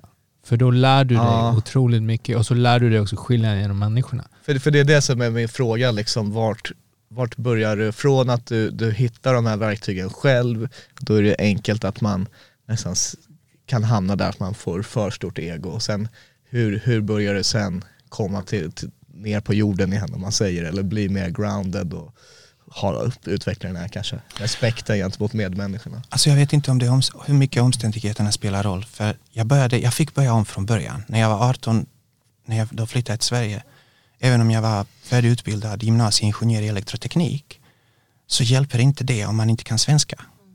Så jag fick, jag fick liksom börja om mitt liv. Med att lära mig prata, med att lära mig liksom skriva. Eh, med, med, och, och eftersom jag inte var så gammal så jag, jag mindes ju hur min resa gick första gången. Fast nu liksom kunde jag ändå reflektera över det med en ung mans hjärna. Så, så jag, jag kunde jämföra saker och ting. Och, och då jag märkte att för det första det, det fanns vissa problem och vissa problem är um, med den här attityden. Den här attityden med, med att bli jag, jag skulle vilja säga kontrollerad galenskap. Att man, liksom, att man blir så galen i en situation att man struntar i vad som händer med en, man ska bara utföra uppgiften. Det skapar vissa, det har många nackdelar. Eh, man kan inte lösa re- relationsproblem med det här. Nej. Eh, man kan inte lösa om dator hänger sig med det här. Man kanske kan slänga ut det genom fönstret eller drämma det i väggen. Men man löser inte det. Om man blir sjuk eller skadad så om man kör det här, jag bryr mig inte om det, så gör man skada mycket värre. Ja. Eh, till exempel att, att räkna matte eller liksom att planera sin ekonomi och bli förbannad. Man, va- man gör allting värre. Så det här funkar bara i ett läge där det är liv och död. Men exakt, jag tänkte säga, men det här leder ju till att för just fighting Mm. så är det ju här nästan ett plus. Nästan, nästan, Exakt. nästan. Så jag skulle vilja säga det är ett, ett, ett bra första steg. Mm. Men man kommer inte hela vägen enligt mig om man bara har det första steget. Utan sen kommer det här andra. Och det andra var, och på den tiden kände inte jag till det här med adrenalin, driv och trygghetssystem. Men det som jag behövde utveckla, och det var igen någonting som jag idag, idag har, alltså man brukar säga att från och med 2000 till idag har människan lärt sig mer om hur hjärnan fungerar än under hela sin historia fram till år 2000. Så, så, så när, jag, när jag började liksom jobba med de här sakerna med mig själv, igen, jag fick gå mest på intuition. Jag, jag visste inte riktigt liksom, så jag märkte om jag gör yoga till exempel att jag är glad på ett sätt som jag vanligtvis inte är och att jag inte blir eh, att jag inte får impuls liksom att bli så explosiv som jag var tidigare. Jag märkte också att min timing blir bättre i sparring, att jag blir mer avspänd, att, att jag har roligare liksom både innan, under och efter matchen. Ja, då gjorde jag ännu mer yoga och sen efteråt försökte jag analysera vad det beror på. Så to make long story short, eh, man behöver gifta den här beslutsamheten, den, den här då kontrollerade galenskapet med, med ett inre lugn. Eh, en, en, en inre trygghet, en inre säkerhet. Och då, det var då livet började bli roligt för mig. Men om jag får ge dig ett motargument. Kamsat Chimaev. Så Kamsat verkar ju föda på det här. Den här liksom ilskan och vad, jag vet inte om han har något trauman eller någonting men du vet. Och det funkar ju väldigt bra för hans karriär skulle jag säga. Absolut. Absolut. Det, det är så här. Eh, det finns en gräns hur länge det här funkar. Det funkar så länge du är ung. Du kan, som jag sa innan, du kan köra över dina dina skador, du kan köra över dina rädslor, du kan köra över väldigt mycket. Men det kommer med ett pris. Eh, jag säger ingenting om hur Kamsat hanterar det, men min erfarenhet är att det kommer med ett pris. Priset blir att eh, man får väldigt kort stubin med massa andra saker, med massa andra relationer, med massa, alltså det, man blir väldigt begränsad, det blir som en ond cirkel. Att jag gör mer av det som funkar, då håller jag mig i, dem, i den kretsen där det funkar och då är det fight och slagsmål och så vidare. Men idrott, är, det, det här är ju fortfarande sport, vi måste komma ihåg det här. I, i sportsammanhang kan du unna dig göra det här, för att det finns en överenskommelse. Överenskommelsen är, vi går all in för att liksom puckla på varandra allt vi orkar eller strypa ut eller vad det nu är. Men när matchen slutar så är det över. Men det här är en uh, en artificiell verklighet. Det här, är någon, det, det, här, det här bygger på en överenskommelse som vi håller oss till. Om du har den attityden utanför, utanför ringen, utanför tävlingssammanhang, det dröjer inte länge innan du krockar med fel folk. Just det. Nej, och jag förstår det där. Eh, Och då blir inte livet inte Exakt. långt. Men, men min observation är bara att eh, du pratar ju om individen, det som är bra för individen. Så jag håller med. Jag skulle nog säga för individen är det nog jättebra att han kanske hittar ett inre lugn så han kan Mm. leva ett normalt liv utanför. Exakt. Men om du, man bara kollar ur, den här karriäraspekten, liksom bara ur den här, de här åren du kommer vara en aktiv, aggressiv fighter som kommer köra över alla. Mm. Då kan man ju liksom argumentera att ja men det kanske inte är nödvändigtvis negativt ur den synpunkten. Du vet, Så det är väl, det är väl så här uh, fight MMA som är alltså egentligen den tuffaste sporten på, på planeten jorden liksom. Jag vet inte, i alla fall, jag kan inte tänka på något, något tuffare än MMA. Och det är väl, om man kollar på många av de bästa, det är väl, det är väl ofta en förutsättning att man har, är lite galen också för, att kunna, för att kunna prestera på den här nivån. Och du kan se detsamma i till exempel tungviktsboxningen. Men, och det är det som är min poäng. Att du kan absolut vinna och bli en av de största. Ja. Och sen oftast, vad ska man säga, media bryr sig om dig när du är som bäst. Men om du tittar på, det finns en anledning att John Jones har haft problem med knark. Det finns en anledning att McGregor inte är världens mest balanserade person. eh, och så vidare. Så det, det är det jag menar med att greppa ormen i svansen. att du, du, du från början, du klarar dig. Ja. Liksom. Det kommer ju komma ett slut på det någon gång och det kommer du vara tvungen att hantera. Och där skulle jag också vilja fråga hur man som kampsportare kan hantera om det är en förlust eller att det kanske är flera förluster. Dels att tävla igen men också bara att gå tillbaka till klubben. För som vi pratar om nu eh, med McGregor och Jones och allihopa att när det inte går bra och folk ser det, hur, hur ska man hantera det för att kunna fortsätta på, en, på ett bra sätt? Jag tror det första steget är det jag nyss nämnde, att man måste förstå att även segrarna är en orm. Håller man fast vid segrarna så är det bara tidsfråga liksom, innan det är huvudet och inte svansen man håller i. Så det som är viktigt är att fokusera på sin egen utveckling och sin egen resa. Och ehm, jag såg en intervju när Adesanya hade förlorat eh, direkt eh, efteråt då på presskonferensen. Så, så såg han något i stil med eh, eh jag mår bra, eh, jag har pratat med mitt team och de är nöjda med mig och ursäkta gott folk men eh, ni alla andra kan liksom dra och, och, åt helvete, det är de som räknas liksom. Sorry, men det är de som räknas. Och det här är en väldigt hälsosam attityd. Att du, du har ditt mål, du har ditt liv, du har din utveckling, du har din resa och sen har du några, ett par, tre personer som investerar sin tid och energi i dig. Som ställer upp för dig, som bryr sig om dig, som backar upp dig och som du backar upp. Med dem, deras åsikt spelar roll. deras åsikt spelar roll för att deras tid och energi spelar roll eftersom de bryr sig om mig. Alla andra spelar ingen roll. Och det, det är svårt att tänka så här när det går bra. För att det är så många beundrare. Men man måste förstå. man att de ska spela. Ja, precis. Men man måste förstå skillnad mellan beundrare och vänner. För beundrare, så fort du inte lever upp till deras förväntningar, trots att ni inte har skrivit något kontrakt eller kommit överens om någonting, de har bestämt sig att de ska beundra dig just nu och det är väldigt lockande och då dras du in i det. Men när de sen tar den här, eh, det, det här intresset ifrån dig och så till och med kanske det här intresset omvandlas till förakt, allt det där som kändes bra svider.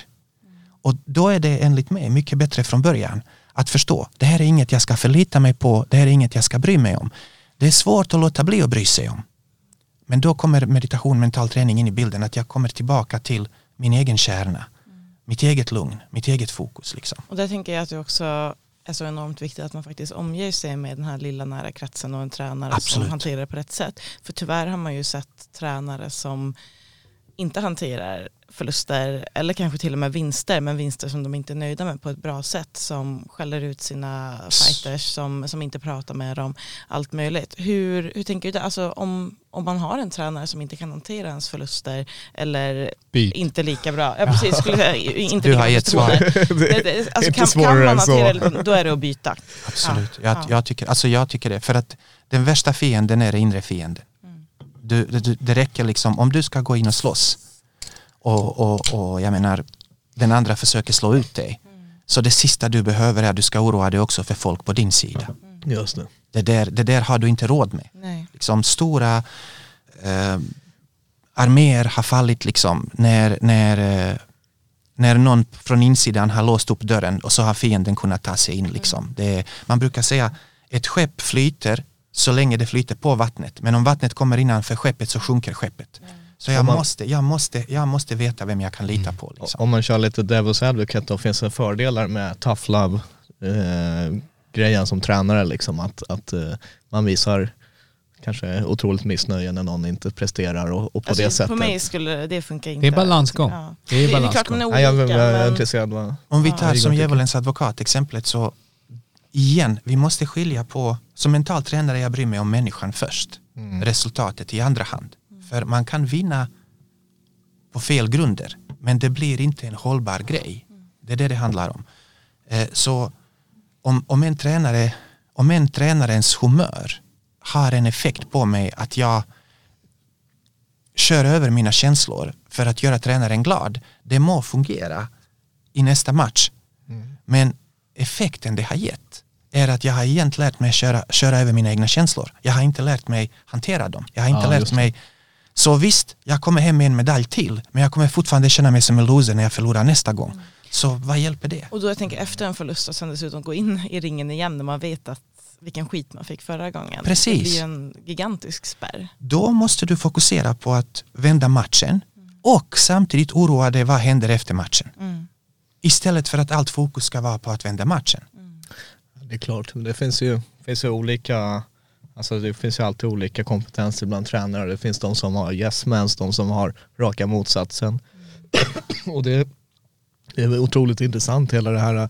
Och det är, det är ju precis som du säger, eh, när det kommer till de här mentala bitarna just i tävlingssammanhang så, så är det ju också sån intressant arena för att få, få testa det här och få, få den immediate feedback liksom på hur man jobbar med det mentala. Jag, jag kommer ihåg ett, ett SM som jag var med i efter att jag hade varit borta från, från karaten och så vart jag sugen att köra igen liksom. Och då fick jag en, en eh, möjlighet som, som, som jag eh, liksom aldrig har varit med om tidigare på det sättet att man gick en, en final mot en kille som dessutom finns en, en känslomässig historia, liksom rivalitet kanske, klubbkamrater och allt det här. Jag får storstryk och sen så ska jag möta samma kille typ en kvart senare och då, då fick man jobba med mentala på ett, på ett helt annat sätt eftersom att du, du vill ju inte gå och, och få samma resultat igen. Det vart inte att, att jag vann nästa matchen men det vart en helt annan match liksom. Mm. Och för att, vet, då, då hade man ingen val än att sätta sig, andas, meditera Samla ihop sig. samla ihop sig Mm. och, och, och det, det vart liksom två olika så, att, så att det var superintressant. Eh, och, och jag har ju också haft möjligheten att, att testa många sådana trän, tränarstilar och ofta hittar man väl någonting som man själv klickar med eh, på något speciellt sätt. Är, ofta har man ju de här eh, liksom, tränar och, och, och, fighter-relationerna som byggs upp och som passar just dig kanske. Liksom. Mm. Men, men skulle du kunna tänka dig att säga till en fighter, du, du behöver byta tränare? Till, Ja, men jag har gjort det. ja. Jag, alltså, jag vet inte om det var fighter, men jag har gjort det med mina klienter, absolut. Ja, herregud. Det där är inte bra. Ja. Sen får personen göra själv. Jag säger inte att du behöver byta tränare. Jag säger det här är inte bra. Mm. Men hur går du tillväga till exempel för att identifiera problemen? Typ om om jag kommer till dig, jag säger jag, jag presterar, det låser sig när jag slåss. Liksom, hur mycket tid behöver du spendera med personen? Vad pratar ni om? Vad frågar du? Jag hade ett sånt samtal för ett par dagar sedan. Och eh, det, det tar inte så lång tid. För det handlar inte så mycket om vad jag säger som det handlar om att de tränar och upptäcker skillnaden.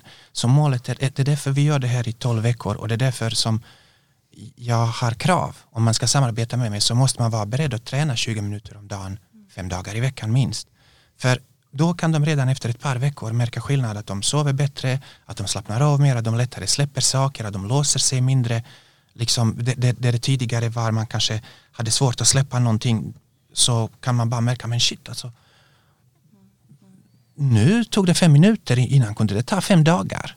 Eh, och, och det här, det, så jag behöver inte prata så mycket, träningen pratar. Du har en fungerande metod. Ja precis, alltså exakt, det, det, det, är en, det är en erfarenhetsbaserad metod. Så jag behöver inte övertyga någon till någonting. Jobb. Jobbar du någonting med vanliga människor om man säger så? Alltså jag menar alla har ju väl jättemycket som man måste hantera i, i livet liksom. Chefer, Vare det chefer. ångest eller stress eller Ja. i, idag har vi väl liksom rekordhög psykisk ohälsa i samhället. Är, är det här någonting som du hjälper, hjälper eh, liksom inte elitidrottare utan kanske vanliga svenssons eller vad det nu må vara? Alltså oftast är det, hittills har det varit mest folk som har någon sorts chefsposition eller ledarposition. Ja. Men, men det kan jämföras väldigt mycket med idrottare för att det, det finns konkreta uppdrag de ska liksom fullfölja och, det- och det mäts och det utvärderas. Och kanske en större press än, än Ja. vanligt liksom. Ja, precis så. Men du är inte terapeut? Alltså, nej, du, nej, jag jobbar Nej. inte terapeutiskt. Och jag tänker också just det med idrottare och ledare att eh, för visst man behöver ju inte vara elitidrottare för att ha nytta av, Nej, av nej. allt det här utan för jag, det tänker jag att många kanske låser ju att ja, jag hade velat prova mental träning men jag är ju amatör så varför, varför ska jag liksom. Mm. Men det är väl också det handlar ju om att bygga en grund så jag tänker att ska man komma upp på elitnivå så kanske det är en otroligt viktig bit att, att börja med. Absolut, och det handlar om grundläggande färdigheter egentligen som, som jag som ska ingå i livskompetens. Om man ser så, vi, I skolan lär vi oss extremt mycket om, om väldigt mycket. Men, men det, det mesta som skolan handlar om eh, stannar på en kognitiv nivå, alltså intellektuell nivå. Där det, där det finns liksom den här uppdelningen mellan jag och min kunskap, subjekt och objekt. Jag kan skriva det här provet, jag kan komma ihåg den här informationen och så vidare. Så, så skolan föredrar kunskap. Men livet föredrar kompetens. Och kompetens är någonting som många gånger man inte ens kan förklara hur man gör. Men det blir bra. När, man, när man känner att man har rätt känsla, man kommer in rätt i det på ett bra sätt och så vidare. Så, så den här kompetensdelen, det, det är vad min eh, lärare Dr. Lars-Erik Unestål har forskat extremt mycket på. Eh, och det han har landat i är just att det är de här fyra kvaliteter, eh, jag tror jag nämnde dem i mina böcker, smakfaktorer. Smak är akronym där S står för hur man ser på sig själv. Eh, M står för hur man ser på sin framtid. A står för hur man tolkar livet. Inte minst hur man hanterar motgångar. Och sen K står för känsla. Så målet med mentala träningen är egentligen att utveckla en förmåga att ha en positiv syn på sig själv även när det inte går bra. Eh, och också utveckla en förmåga eller en vana att ha positiva förväntningar på sin framtid. Eh, även när man kanske precis har misslyckats eller det har gått dåligt eller det har gått dåligt länge. Men att man fortsätter behålla positiva förväntningar. Eh, som i sin tur ska ge en motivation att jobba för att det ska bli bättre. Det är inte bara förväntningar och magi. Men, För, precis, för vissa är ju så här lite mer pessimistiskt lagda. Mm. Att liksom, ja, men förväntar jag mig det sämsta blir jag inte besviken. Mm. Men det känns kanske inte riktigt som en bra... Precis. Eller så har du inga förväntningar, kan det bara bli bättre. Ja, men, men, Alltså, ja, precis. Det känns ju roligare att ha positiva Halvtomt. förväntningar. Ja, eh, så, här är, det- så här är det enligt mig, att, alltså så här jobbar jag i alla fall, att du har väldigt stora positiva förväntningar men sen är det dags att prestera har du inga förväntningar för stunden utan då är du öppen för att anpassa dig efter situationen. Men om du kommer till en tävling och vi pratar tävling eller till, en, till, till ett uppdrag på jobbet varför kom du dit om du inte har några förväntningar alls? Någonstans har du det. Varför går du på en dejt om du inte vill liksom gå på en dejt? Så det är oftast när folk ser att de inte har några förväntningar, de spelar mind games med sig själva. Man försöker minska pressen. Men du, va- varför ställde du upp på en tävling om du inte har förväntningar? Ja, men sen är det Stanna väl- hemma. Jag, jag, tycker, jag, jag upptäckte nu, alltså nu när jag tänkte bara på att eh, för mig, jag tror att den här mentala träningen hjälper mig som coach för att förbereda dem för min coachning. Mm. Så att om jag kan få dem att förstå de här typ, principerna rent mentalt Mm. så kan jag lättare coacha dem. De blir Precis. mer coachable som man säger. Precis så. Eh, För det ser man ju när, du, när grabbarna kommer in eller tjejerna och du börjar typ träna upp dem. Är att visa att du kan se potentialen Mm. men någonting klickar inte riktigt i Mm. dem själva. Mm. Så jag tror att har man sån här en metod, har man typ din bok, ja, tagit till sig det där lite, då är det bättre för mig, lättare för mig som coach. Och då kan jag förmedla. Jag tänker så här också, där som du säger med förväntningar och liknande. Alltså, eh, det, i det här mindfulness-spacet så, så är, det beror ju på liksom vem man är och hur kanske eh, flummig om man ska ka- använda det som, som, som folk är och sådär. Jag tenderar väl att vara lite åt det flummiga hållet också men en sak som är, man snackar om mycket energi och sånt här också. Och, och då tänker jag liksom, är, är det någonting som, som, som du tänker på när det är runt förväntningar på en dejt som du använder det exemplet, alltså det blir ju en Desto mer du verkligen vill någonting då blir det en desperat energi som Exakt stöter ifrån nästan liksom. Alltså, och det, men då Det är är det ju du liksom, nej, gud, liksom, fan, som det stickar ifrån. på, liksom. Och det är väl samma sak så här om man kommer in och verkligen, verkligen vill vinna eller alltså att man klamrar sig fast vid, Exakt. vid, vid någonting. Eh, och att, att man egentligen då ska, det är klart att man, man, man någonstans kan identifiera vad man vill och så okej hur tar jag mig dit?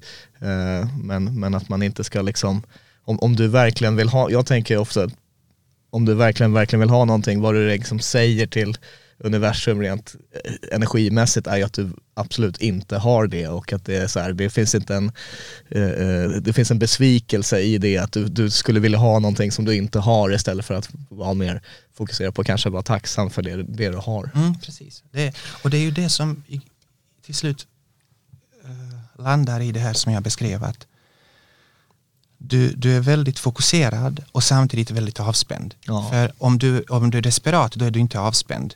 Eh, om du är bara avspänd, ja, men då blir du ofokuserad. Utan det är den här kombinationen. Å ena sidan är du, eh, liksom, har du jobbat väldigt länge med ditt fokus på vissa specifika saker, att det fokus sen finns i ryggmärgen utan att du medvetet behöver tänka på det, utan du kan slappna av och fokusera eller tillåta dig att bara eh, orientera dig i situationen så som den vecklas ut. Men i bakhuvudet finns alla förväntningar och all det andra förarbete du har gjort. Så då kan du liksom då kan du slappna av och samtidigt vara väldigt närvarande. Just det. Eh, Jag tänkte på just i och med att vi pratade mycket om coachning och eh, vad en bra coach är. Eller det är väl det jag vill fråga. Vad tycker du är en bra coach om man vill liksom frigöra sin, sin adepts fulla potential? För jag tänker att det är ju många tränare som lyssnar på det här också. Hur, hur är man en bra coach? För att möjliggöra det mentala. Alltså ur mentalt perspektiv, eh, än en gång, ur mentalt perspektiv så är det för, för mig det viktigaste är att den jag jobbar med fungerar och mår bättre. Inte bara vinner tävlingar även om man mår sämre. För vi har ju exempel där folk har liksom tagit sitt eget liv när karriären har slutat. Och visst, vi minns dem som fantastiska. Men jag menar, och det finns inte minst när det gäller kampsport, det finns massa exempel med allt från uh, boxning till liksom MMA och kickboxning och så vidare. Där, det har varit rätt så tragiskt. Eh, de har ju vunnit massa saker och sen har det varit rätt så tragiskt om man tittar på livet utanför. Eh, Du verkar ha ett väldigt holistiskt perspektiv. Ja, den är väl, alltså, och då går vi tillbaka till din fråga att enligt mig då, och jag är partisk på grund av att för mig, är, för mig är personen viktig, inte bara medaljen. Eh, och jag ser inte att det måste vara antingen eller. Men för mig, den tränaren som i första hand eh, som, som, skapar en, om man säger så, som skapar en balans mellan att ta hand om personen och stöttar personen i deras ambitioner. Det är en bra Så tränare. som adepten förlorar, hur ska jag som tränare i så fall göra så? Vi bär. Precis. Alltså om du, är, en- om du är tränare på riktigt, Mm. då vet du om den här adepten har gjort allt som han eller hon skulle gjort innan matchen. Så egentligen redan innan matchen, man pratar om tre typer av mål. Processmål, prestationmål, prestationsmål och resultatmål. Resultatmål kan jag inte styra över. Det beror på andra saker. Jag, jag kan göra, ibland kan jag göra mitt livs bästa match och ändå förlora. Eller hur? Just det. Och ibland kan jag göra ganska dålig prestation och ändå vinna. För att den andra ramlade fel. Eh, liksom, något gick av. Eh, och så vann jag. Okej, så, så resultatet är utanför min kontroll. Ju mer jag fokuserar på det som är utanför min kontroll, desto mer ängslig blir jag. För att det känns som att jag är bara helt utsatt, alltså helt utlämnad åt, åt universums nycker. Och så vem vet vad som händer liksom. Så därför är det väldigt viktigt att som tränare uppmuntra eh, sina adepter då att fokusera på de här två aspekterna, de här två typer av mål som vi kan styra över. Processmål, hur närvarande är du varje, är du i tid? Har du dina grejer med dig? Är det fullt fokus från början till slut? Kör du så mekaniskt där du bara liksom gör ett antal sparkar, slag, slår på säck, hoppar lite rep eller vad det nu är. Eller är du verkligen fullt närvarande i det du gör som om det är match nu? Och det här händer inte att jag bestämmer mig en gång utan under en, ett pass så kan mitt fokus fluktuera, alltså gå upp och ner flera, flera gånger. Och jag är där för att påminna dig, men målet är att du ska vara så motiverad att du påminner, att du rättar dig själv när du märker att du bara river, river av ett pass. Liksom. Så det är process. När du går in i varje pass med, med, med fullt närvaro, full närvaro och avspänning, så du tränar de kvaliteterna du vill ha i match. Sen behövs det också, eh, när det gäller din prestation, om vi går vidare till prestationsmål, vad är det som är bra som du ska fortsätta bygga vidare på och vad är det du behöver förbättra för att du ska ta din fighting till nästa nivå. Eh, det här betyder att det inte räcker bara att ta ut sig eller köra hårt så att man är helt slut utan att du har ett upplägg, en plan. Eh, vilken aspekt av ditt game håller du på att vässa just nu så när du kommer till nästa match eh, då är du liksom en uppgraderad version av dig själv. Det här låter logiskt men många gör inte det. Många bara kör så, så det ryker och sen hoppas att det räcker nästa gång. Utan att de Det är som att överhuvudtaget be folk att vila. Ja, du vet liksom. Det, så, så, så de här, och då, låt oss säga att fighten har förlorat i alla fall. Men om du som tränare vet att de har gjort sitt bästa när det gäller processmål, att, de, att ni tillsammans har följt upp, följt, jobbat med ett upplägg som ni, har liksom, som ni är överens om och som fighten har gjort. Vad finns det att vara arg för? Nej, precis. Fighten har gjort allt. Ja. Du ska, du ska vara support. Du ska liksom ge dem beröm för det som var bra, lyfta fram det som behöver bli bättre och säga, vet du vad? Jag är med dig i vått och torrt. Jag tänker på det här med medveten eh, närvaro som du nämner eh, och att man liksom går in och, och i slutändan så är det ju upp till en själv också. Du kan ju ha en tränare som pekar och kanske är vägledare men, eh, sen, men skulle du säga att det idag, alltså jag tänker rent på, på mer av ett samhällsperspektiv, alltså medveten när, har vi ett problem med, med det på, i samhället liksom med smartphones och allt sånt där och liksom, vad heter det, vad är det man kallar det, spann i liksom eh, Uppmärksamhetsspann. Mm. Eh, koncentration, ja men precis, för du, du snackade mycket om koncentration i skolan och sådana här saker också. Är, det- är det någonting som vi har problem med och vad, vad kan man som, det är inte bara elitidrottare som behöver vara, utöva medveten närvaro för att briljera i livet liksom. Vad har, vad Igor för, för tips kanske att, att bli lite, lite, sten, lite hårdare mentalt och kunna liksom eh, få ut mer av, av sin vardag egentligen? Pa- paradoxen är att det vi kallar hårdare mentalt i praktiken är att man blir faktiskt mjukare mentalt. Ja. Och det är det jag upptäckte då när jag, när jag var yngre. Att när, när, när man är alldeles för eh, hård mentalt, alltså alldeles för eh, inriktad på en sak, alltså nästan så det blir lite maniskt eller desperat. Då slår man bort känslor. Ja, och, och då blir ens sinne väldigt tunt. Det blir skarpt men tunt. Så, så, så det, man blir lite fragil i sin uppmärksamhet och det räcker att vi säger jag har ju planerat min dag och jag ska göra så här och sen det räcker att jag hamnar i någon sorts trafikstockning eller någonting så att jag bara åh allting går åt ja. helsike nu det går liksom så man blir så himla känslig. Ja, ja. Så enligt ehm, en av mina stora förebilder som är kollega med Dr. Lars-Erik Unestål, han lever också fortfarande, old school, eh, Dr. Eh, Robert Neidefer. Han var en av pionjärerna inom mental träning. Och en av sakerna jag lärde mig av honom som verkligen var som game changer eh, för mig personligen, eh, det var att han pratade om eh, fyra olika varianter av fokus. Oftast det vi kallar fokus menar vi då det man har i skytte, gevärskytte eller bågskytte, att man liksom allt fokus på bull's eye, väldigt smalt liksom. Eh, Men, och, och det här är ju ett typ av fokus. En, en typ av fokus. Och sen kan vi ha eh, enligt Neiderfer då också eh, brett fokus. Att det är mer vidvinkelseende, perifert seende. Eh, du, till exempel en hockeyspelare eller basketspelare kan, kan inte unna sig eh, vara fokuserad på samma sätt som en pistolskytt. För att det händer så mycket runt omkring dem att om de bara skulle fokusera på en sak, oavsett om det är pucken eller medspelare eller motspelare, så har under en sekund matchbilden ändrats helt och hållet. Så de tränas, de tränas för att hela tiden ha mjuka ögon. Det vill säga att jag ser runt omkring mig. Jag tycker det där är, jag, jag läste Malcolm Gladwells eh, bok eh, Outliers. Mm. Där han pratar just om det här att någonting som alla stora idrottsmänniskor har, det är den här förmågan att kunna se mycket på split seconds. Precis. Det är det som i alla grenar. Och Liksom. den plockar du inte fram när du är upprörd. För oavsett om det är dopamin eller adrenalin så det sympatiska nervsystemet går upp, då får du tunnelseende. Så det här lilla trygghetssystemet som folk ibland kallar flummigt och eh, vad heter det, ja, mesigt och snällt och gulligt och sådär. Det är vad du behöver för att kunna reglera din hjärtfrekvens.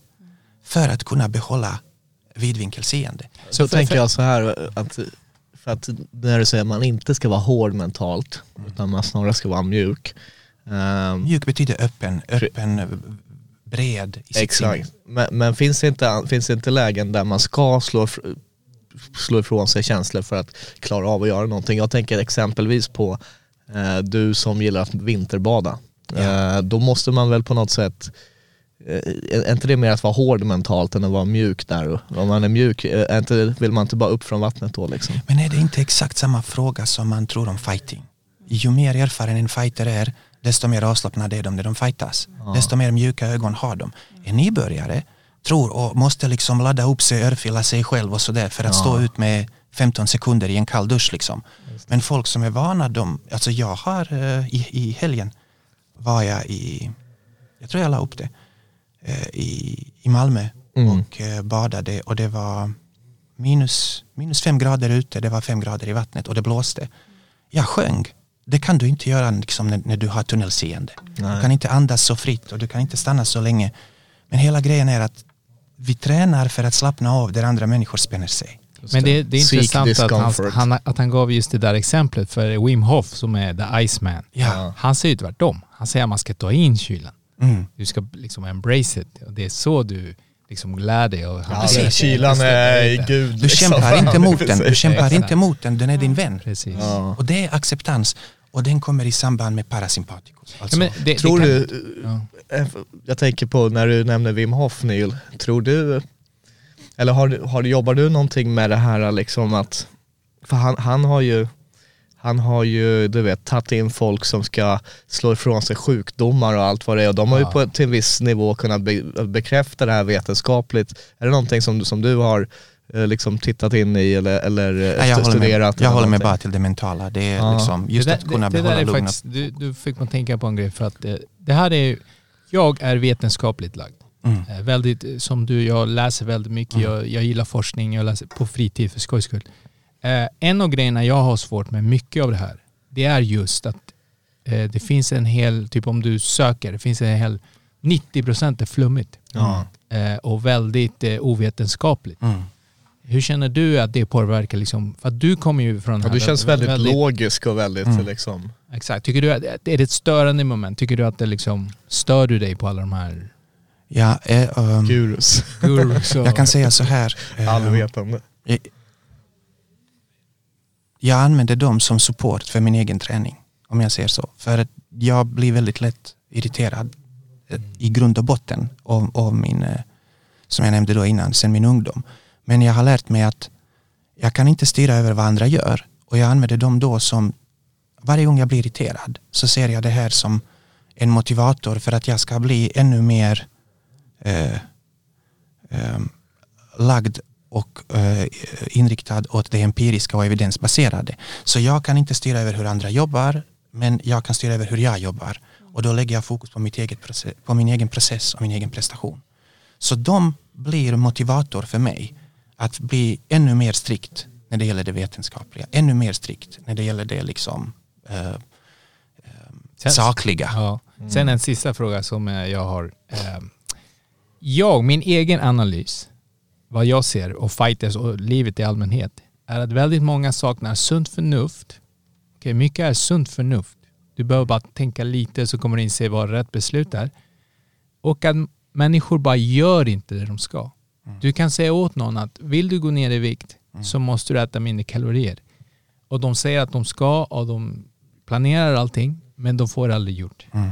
Och det är ett fenomen jag kan se och jag kan se det här i många grejer. Jag kan se det här i, i fighters som övertränar och du säger åt dem nu bör du faktiskt vila så du återhämtar dig. Det är någonting du kan uppleva att du märker överallt. Jo, och den stora utmaningen med sunt förnuft är att vi är inte logiska, vi är biologiska. Så det spelar ingen roll vad jag förstår. När jag hamnar under press så är det känslor som tar över.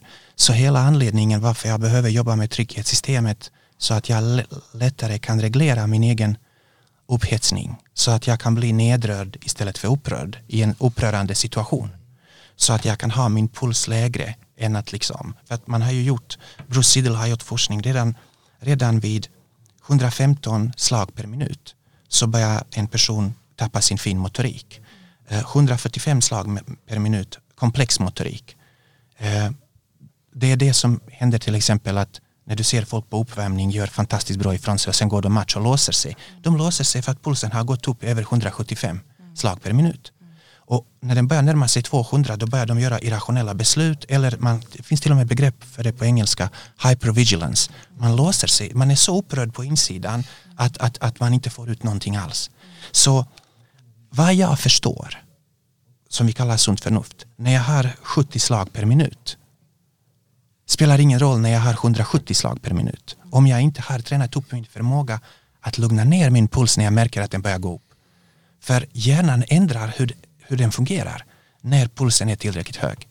Så du kan ta världens mest intelligenta människan, om det nu finns en sån, men vi säger att liksom, någon som har superhög IQ och uh, Nobelpris i saker, om du gör den personen tillräckligt upprörd, till, det vill säga tillräckligt arg, tillräckligt rädd, tillräckligt stressad, så kommer den personen fatta jättedumma beslut. Det är inte så att de är mindre intelligenta, men när de är upprörda saknar de åtkomst till sina intelligensresurser tills de har lugnat ner sig. Så mental träning handlar om att bygga upp sin känslighet när min, mitt system börjar svika mig så jag inte kan så jag, så jag börjar tappa mina resurser på grund av att jag blir för upprörd och jag får tunnelseende. Det är då den här hårda hjärnan. Och då, det kan, och då blir det bara liksom kortaste vägen punkt A till punkt B. Men ibland kan det vara väldigt dumt beslut.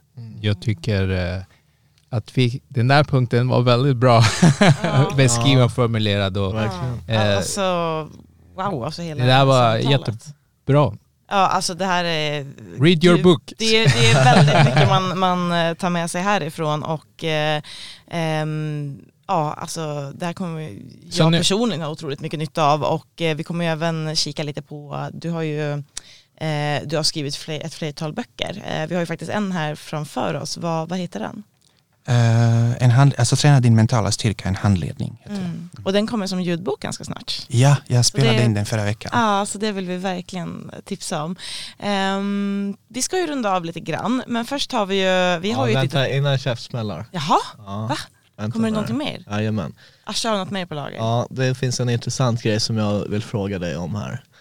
Eh, och det, det är egentligen två frågor i en och det här är någonting som jag nördade ner mig lite om för, i, för några år sedan. Eh, som ett fenomen som man kan hitta inom sport överlag men, men eh, blir, blir väldigt speciellt när man ser det i, i MMA framförallt. Och det, eh, först och främst så tänkte jag bara fråga det här med liksom andra personers vilken energi de lägger in i, i en match till exempel. Om du har en hejaklack hemmaplan, inte alltså miljön runt omkring och, och, och, och kanske framförallt hur många som hejar på dig eller något sånt där. Eh, vad tror du att det kan ha för påverkan på en individs prestation? Jag tror att ESPN gjorde en studie för 15-20 år sedan. Ja. Där de, alltså ni vet de som sänder alla, liksom, alltså, ja, ESPN, de sänder ju MMA nu för tiden Ja, också. Så. De tog över från Fox för något år sedan. Eh, och innan de eh, adopterade, eh, integrerade MMA i sitt utbud så hade de ju, sen, innan dess har de hållit på mycket med eh, och det gör de väl fortfarande NFL, NHL, alltså hockey, American football, basket och sådana grejer.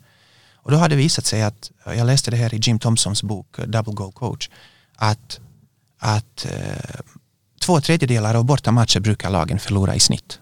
Eh, och två tredjedelar av hemmamatcher brukar de vinna. Och inom fotboll brukar man kalla publik för den tolfte spelaren.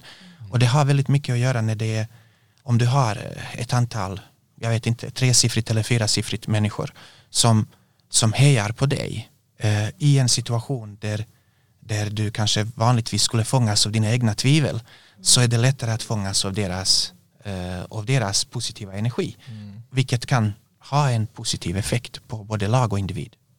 Och då är frågan också, är det, gäller det bara för de som är i den immediate, alltså närheten eller eh, om du har massor som kollar på en stream eller liksom, alltså så här, eh, för där har man ju till exempel jag tror nu de som, de som får Nobelpris i, jag vet inte vilket, ja, någon form av någonting, har ju, har ju bevisat att så här, partiklar kan interagera med varandra på, ett väldigt, väldigt stort eh, avstånd. Superposition. Och, och varför jag frågar det här, det är därför att det, det finns någonting som, som jag skulle säga specifikt fenomen bortom typ flow och sånt här som är när folk vänder någon, eh, matcher i sista sekund och typ levlar upp när, när, när allting verkar omöjligt. Det tycker jag är ett specifikt väldigt intressant fenomen där vi har sett Darren Elkins var ganska bra på att göra det och framförallt en match, han fick ju storstryk av eh, din landsman eh, Mirsad Bektik Just det. Och så liksom hade, hade, jag tror han förlorade båda ronderna, 10-8, 10-8, helt blodig och allting och så vände han liksom och, och, det, det är någonting så här, man får gåshud när man ser det liksom. Joe Rogan typ svajade lite med rösten efteråt, det här är primal, det här är liksom eh, Jack Hermansson haft en sån match i, när han var i Brasilien, så där, där var det inte någon liksom Och, också min landsman. Också din, ja jajamän precis. Och han, han hade ju liksom ett revben som flöt runt i, i bröstkorgen. Han sa att han svimmade typ i matchen. Och, och, och där har man ju också tränaren som kommer in och har en roll i det. Men, men även där så, så fick han storstryk, vänder, vinner på ett väldigt så här, djurigt sätt. Eh, Zoran Milic eh, hade sån SM-final i Västerås, där var det också hemmapubliken. Vad vill du att var- han ska svara på det här? Jag, försöker, jag vill ha... Alltså kör Ja, jag, vill, jag, vill höra, jag vill höra om du, liksom, om du har reflekterat kring det specifika fenomenet av, inte att någon kommer in, drömscenariot för en fighter är att man kommer in och flow, har flow på, med, från början liksom och, och, och eh, spel mot ett mål liksom. Men, men vad kan det bero på att man hittar den här sista växeln i, när det verkar som omöj, omöjligt eller liksom allt är emot den? Förstår du vad jag menar? Ja, jag tror jag förstår vad du menar. Jag tror att, eh, jag kan säga så här, det här är ju en sån grej som är väldigt tacksam för Hollywood. Alltså för att det blir sån rockig Ja. grej liksom. Du får stryk i nio ronder och sen liksom vänder du dig i tionde. Eller. Så, och det, det, det är väldigt spännande för att det, eh, det, det finns en överraskningsmoment och om du lägger till betting så blir det ännu Underdog. fler. så- Ja, underdog, precis. Men jag har eh, jag har, inte, jag har mest fokuserat på att vi gör allt vi kan för att förbereda att den här personen, vad som än händer, kommer liksom, alltså min klient, vad som än händer kommer behålla sitt fokus på att eh, göra allt som är i hans eller hennes makt för att liksom eh, nå sina mål egentligen. Eh, och ibland blir det så att det inte alls går ens väg men om personen har lyckats behålla sitt fokus så, så klarar de av att på något sätt surfa på den här vågen och ändå liksom vända på det.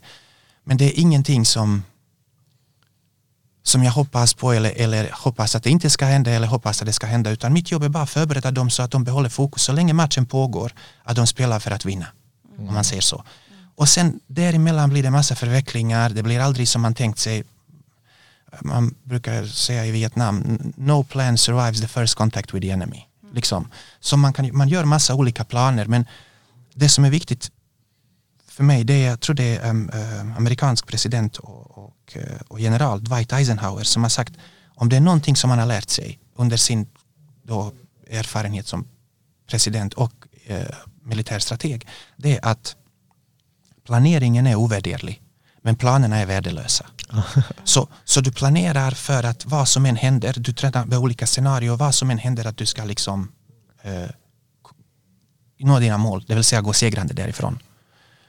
Men sen släpper du taget om det för att du vet att det inte kommer bli som du tänkt dig. Men tack vare att du har tränat för så många olika eh, sammanhang, alltid med samma mål, så kommer din hjärna med den, det materialet du har liksom stoppat i ditt nervsystem kunna använda sig av den situationen som dyker upp och improvisera. Så många gånger folk vill inte planera för att de säger att ah, det blir ändå aldrig som man tänkt sig. Men tack vare planeringen, om du släpper tag om planerna, så kommer din hjärna eh, och din kropp kunna improvisera på plats. Eh, Och då uppstår sådana lösningar eh, som, som, som du beskriver. Liksom. Men det är ingenting som vi tränar för specifikt. Nej men det, det är intressant det där också och just hur i Sorans fall då var ju hemmapubliken var ju också en, en, en fin, en, en, det var, ju, det var en faktor. Och jag kommer ihåg att jag själv så här, jag, jag tänkte liksom, jag var, var tvungen att gå på toa typ och sen så bara Nej du vet, han låg, då det var liksom en rear naked choke där och det kändes som att eh, på något sätt så, så, så, så ville jag själv vara närvarande i nuet, typ, förstår du vad jag menar? Jag för, för att jag, jag tror ändå att på något sätt så kan ju miljön runt omkring eh, till bidra till, till hans fokus. Alltså om någonting händer utanför så kan ju det få, alltså nu säger inte jag att mina tankar påverkar hans Det är det du resultat, men- antyder bro. Nej men jag tycker bara att det är en intressant grej att, att, att ehm, reflektera kring. Jag kan säga allt det där är yttre, yttre faktorer. Ja. Och som mental tränare så vill jag inte lägga för mycket fokus på dem Nej. eftersom de är utanför vår kontroll. Just det. Utan vi fokuserar, om, om alla är för mig eller min klient eller alla är emot min klient, att han gör sin, han, han gör sin gameplan. ja för det kan Han väl gör- vara en fara om man thrivar Det är det för jag menar. mycket på, ja just det. Ja. Nu vill jag höra herren igenom en käftsmäll för jag är väldigt intresserad Ja Igor exakt, kan alltså tänka det, vi, sig. vi har ju vårt segment som är veckans käftsmäll Okej. som man kan dela ut till någon eller något. Och jag, har ju, alltså jag ju, brukar ju alltid leverera hit och dit. Men jag känner mig så otroligt så här, grundad, liksom så här, lugn att så här, shit ska man, alltså jag kommer göra ändå. Men, men jag har aldrig känt mig så lugn. Är du sen nu? Är du alltid... Ja, eh, exakt, så här, väldigt någon liksom, som- ha. Om Men, du gräver fram ja. den här irritationen inom dig som du Ja, jobbar ja. så hårt att, att Men, hålla men om, under. jag, om jag börjar så kan han ju få ett exempel. Ja, det är bra. jag, Det är jag bra. kan börja med veckans käftsmäll. Mm. Ehm, nu ska vi hitta, ska vi se, där. Veckans käftsmäll. Okej, min käftsmäll går till alla tråkiga Muay Thai-fans som inte går på arenorna och kollar på fighterna. Ja. Jag kollade på Muay Thai for Life nu senast och jag tänkte ah, men det här kommer ju vara superpackat. Det är ju skitsnyggt eh, presentation, galet matchkort. grymma fighter, alltså det är helt galet bra fighter.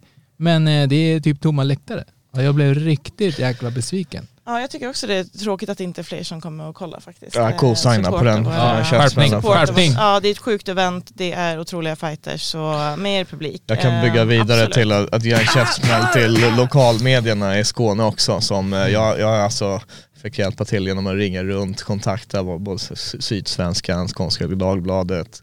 Eh, De som bör vara intresserade av att ett stort, även internationellt event händer i Balska arenan, eller Balska hallen. Men eh, det var, ah du vet, ja vi får höra med Malmö-redaktionen och återkomma och bla bla bla, eller mejla den här killen istället. Eller, eller ja, det är inte riktigt vår nisch, så här, nej Malmö event, det, det är inte eran, ni har ingen sportredaktion. Ja, Så, finns ja, förbättringspotential. de, de får Ja. en liten käftsmäll också. Innan jag gör min käftsmäll så jag har ju en eh, offentlig ursäkt att ge till eh, Mr Allen då. Ja, de som hörde avsnittet med eh, Sadebo Sy. Eh, där fick jag ju veckans käftsmäll för att jag, ja, jag hade ju råkat missa där och säga hej till Allan när vi tydligen sprang på varandra nere i, i tunnelbanan om det var Gullmarsplan eller vad det var. Det. Ehm, ja, det var, det var ju dåligt av mig. Men, men till mitt försvar så, jag hade ju en väldigt bra ursäkt. Eh, som, det skrev jag i vår, i vår gruppchatt, läste jag dagen efter. Eh, jag kan citera mig själv. Jag var så fokuserad på att gå.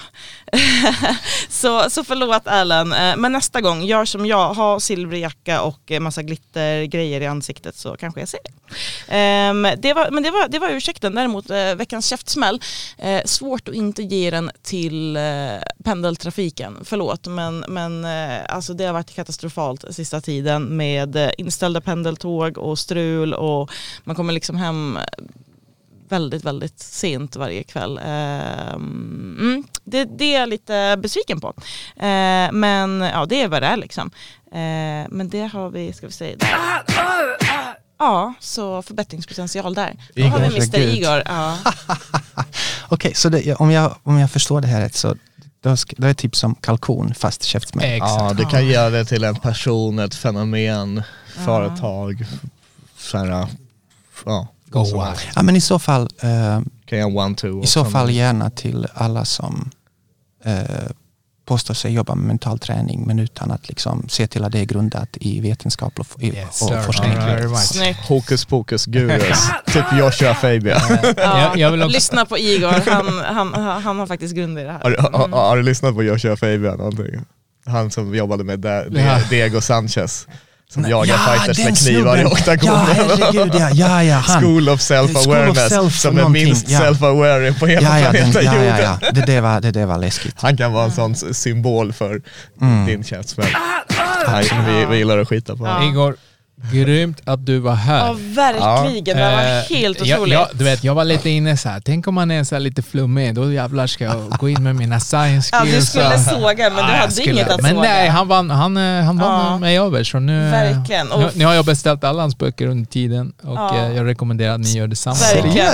Köp och läs böcker, lyssna på böcker och men för mig har det här varit superstort i och med att jag har ju liksom läst din bok sedan jag började med thaiboxning. Så att eh, en stor ära och ett otroligt samtal. Och vill ni, vill ni Yes, höra mer om Igor så finns det eh, alla möjliga spännande klipp ute på Youtube-nätet redan också där från Men inga andra poddar. tillbaka. Ja, det vi är bäst, det är bara... Vi är Ja, bäst, ja. det här var den Sätt oss bästa på repeat. intervjun. Ja. Ja, Om de redan har plöjt igenom två timmar liksom. Och man kan ju då- också då- då kontakta Igor för att faktiskt eh, få mental träning. Ja. Hur, hur kommer man i kontakt med dig ifall man vill anlita dig? Någon hemsida, hemsidan. Instagram. Exakt, exakt. Ja. Ja. Det är alltid Igor Adoris. Ja. Så, ja. Ja, finns på sociala medier Ja. också. Grymt. Ja, grymt att ha dig här i Tack så mycket för att du kom. Ja, verkligen. Tusen tack för inbjudan. Tack för idag. Tack.